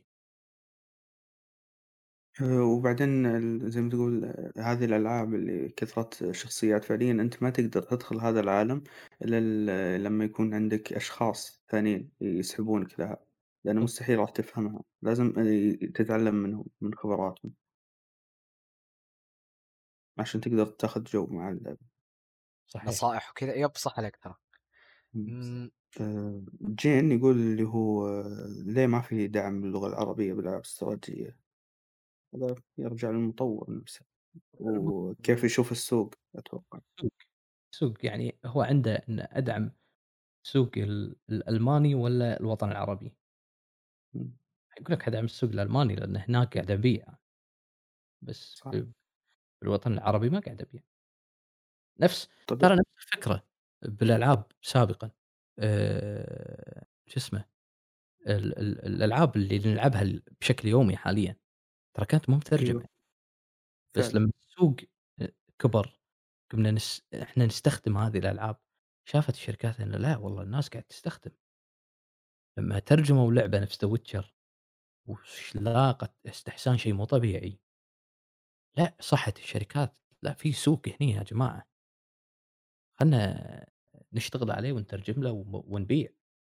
ففعلًا لمّا ترجموا في ألعاب قاعد تبيع أكثر، ترى لأنها بس مترجم. فعلًا. فهو بس اللي ينقصه الترجمة والشعب راح يلعب، زي ما تقول راح يجرب كل شيء، ويشوف الأمتع له وبي بيستمر عليه. بس إنه آآ يعني إيش بس الحل مع هذا الموضوع؟ يعني إيش رأيك؟ يعني شلون نخلي في اهتمام آآ من المطورين إنهم يترجمون الألعاب؟ الحل يبدي بنفسنا إحنا أول شيء، إن إحنا نبدي نشتري هالألعاب أو آآ أو أو أفرقة تطوّر هالألعاب، حلو؟ من إمم، الأفرقة اللي طوّرت هالألعاب أو لعبة استراتيجية آآ اسمهم آآ آه AR Team. حلو؟ AR Team أو Games in Arabic واحد من هالتيمين والله مش فاكر. آآ ترجم لعبة اللي هي Desperado 3 آه، ولعبت عندنا بالخليج، ناس كثير لعبوها، ترجموها على الPC. وهي tactical strategy game. كثير ناس حبوها. آآ لا والله هي مش tactical هي real time strategy game. بس يعني آآ فيها sneaking وحركات هذي، ولعبوها. ودخلت game award اللعبة، مو دخلت game award لأن إحنا شريناها العرب لأ، بس دخلت game award فلعبة يعني لها ثقلها على قولتهم في الgenre هذه نفسها، فعلينا ن نبدي أو أو الأفرقة اللي تعرف تترجم، تبدي تترجم. وتطلب وخصوصًا إذا حاب الألعاب الاستراتيجية نفس Arabian Legion. حاب الألعاب الاستراتيجية، حاب يورّي الناس الألعاب الاستراتيجية فيبدي يترجم. يبدي يورّي الناس، يبدي ممكن يعلّم الناس، أنا شخصيًا تعلّمت وايد ألعاب استراتيجية من أجانب، شُفته شلون يلعب، شلون لعبة لأنها كانت صعبة علي، شوي شوي فهمت يعني Crusader Kings 3 لأ، Crusader Kings 2 شُفت فيديوهات كثيرة عشان ألعبها لأن اللعبة فعلًا معقدة، ال3 بسّطوها، والشركات بدأت تبسّط الأمور يعني Crusader Kings 2 أو 1 لو تروح تلعبهم الحين، أنا شخصيًا لو أروح ألعبهم صعبة علي. لكن 3 كانت أموري سهلة. لأن ال الشركة نفسها بسطتها، فعلى أن مطو أول شيء إحنا جانبنا إن ندعم هذا التصنيف، الجانب الثاني أيوه. المطورين إنه ينظرون حق الشرق الأوسط 1، 2 إنه يسهلون ألعابهم بإن ما تكون language dependent يعني إن اللغة فيها أساس. إمم.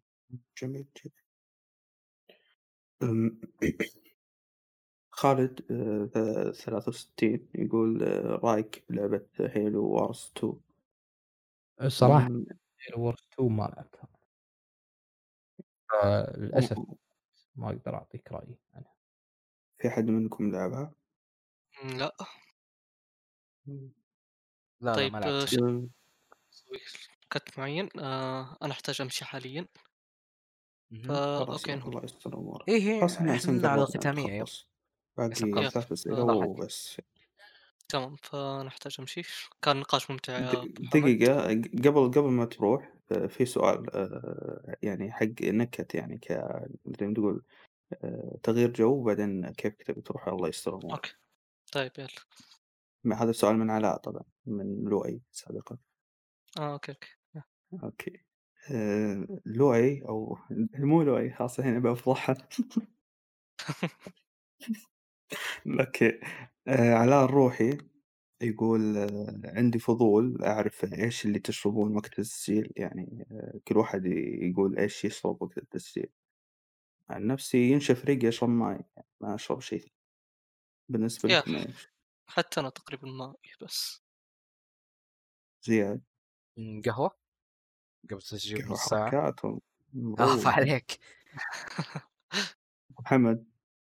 والله طول التسجيل هذا يا فيصل ما شربت ولا شيء. ريقك. ولا عادةً يعني حتى حتى كنت أطالع بطل الماي اللي يمي أطالع فيه مخلص عرفت؟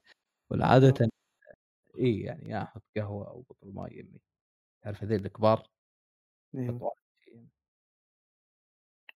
آآ شو اسمه، المهند آآ إذا كان تطلع الله يستر أمورك يا صديقي، لأن ما بقى شيء على نهاية البودكاست. Yes. تمام. ود ودع المشاهدين و والمتابعين نشوفكم على خير. واستمتعنا والله في الحوار مع أبو حمد،. وتعرفنا على الجرن جنرال الألعاب الاستراتيجية.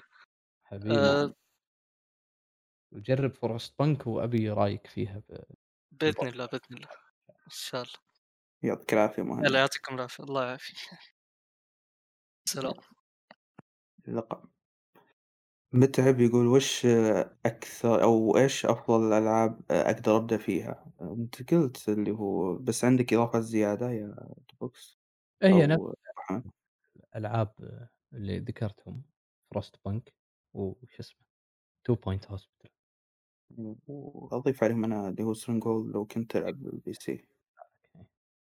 طيب آمم، بس أتوقع لأن حتى أمير قال اللي هو نفس السؤال السابق اللي هو قال ليه الألعاب الاستراتيجية عندنا أقل شعبية، فيعني إمم. هذا جاوبنا عليه. أتوقع خلاص ن نقدر ننهي الحلقة الآن، و فيعطيك العافية والله يا أبو حمد، استمتعنا جدًا وكان كانت حلقة جد من المعيار الثقيل أشوفها والله. كنت الله ضيف. جدًا أسطوري يا رجل، ما ما أشوفك ضيف بالعكس أنت صديق وأخ آه قبل ما تكون ضيف. الله خلاص أسرار الفريق عندي كلها. آآ إيه ما يحتاج. آآ أش أ طبعًا أشكركم، الحوار كان جدًا ممتع. آآ الألعاب الاستراتيجية وغيرها. آآ كذلك يشرفني إني أكون في إيفوي كاست وعقبال ما يكون في collaboration تجي عندنا فيصل ومهند تجون الهب كاست الهب توك. شوف. والله يس بالعكس يعني شيء يسعدنا يا صديقي. حبيبي. وهل هل هذا سؤال يعني، هل سبق وتكلمت عن الألعاب الاستراتيجية بمثل اللي تكلمت عنه الآن في هذه الحلقة؟ أمانةً لأ، ما أتذكر إني حتى بالمقابلة إذا تذكر في مقابلة مع ليلى مطور أيوه. ما ما تكلمت أنا ما أنا تكلمت حضرتها أيوه. إيه ما تكلمت عن ال الألعاب الاستراتيجية بالطريقة هذه.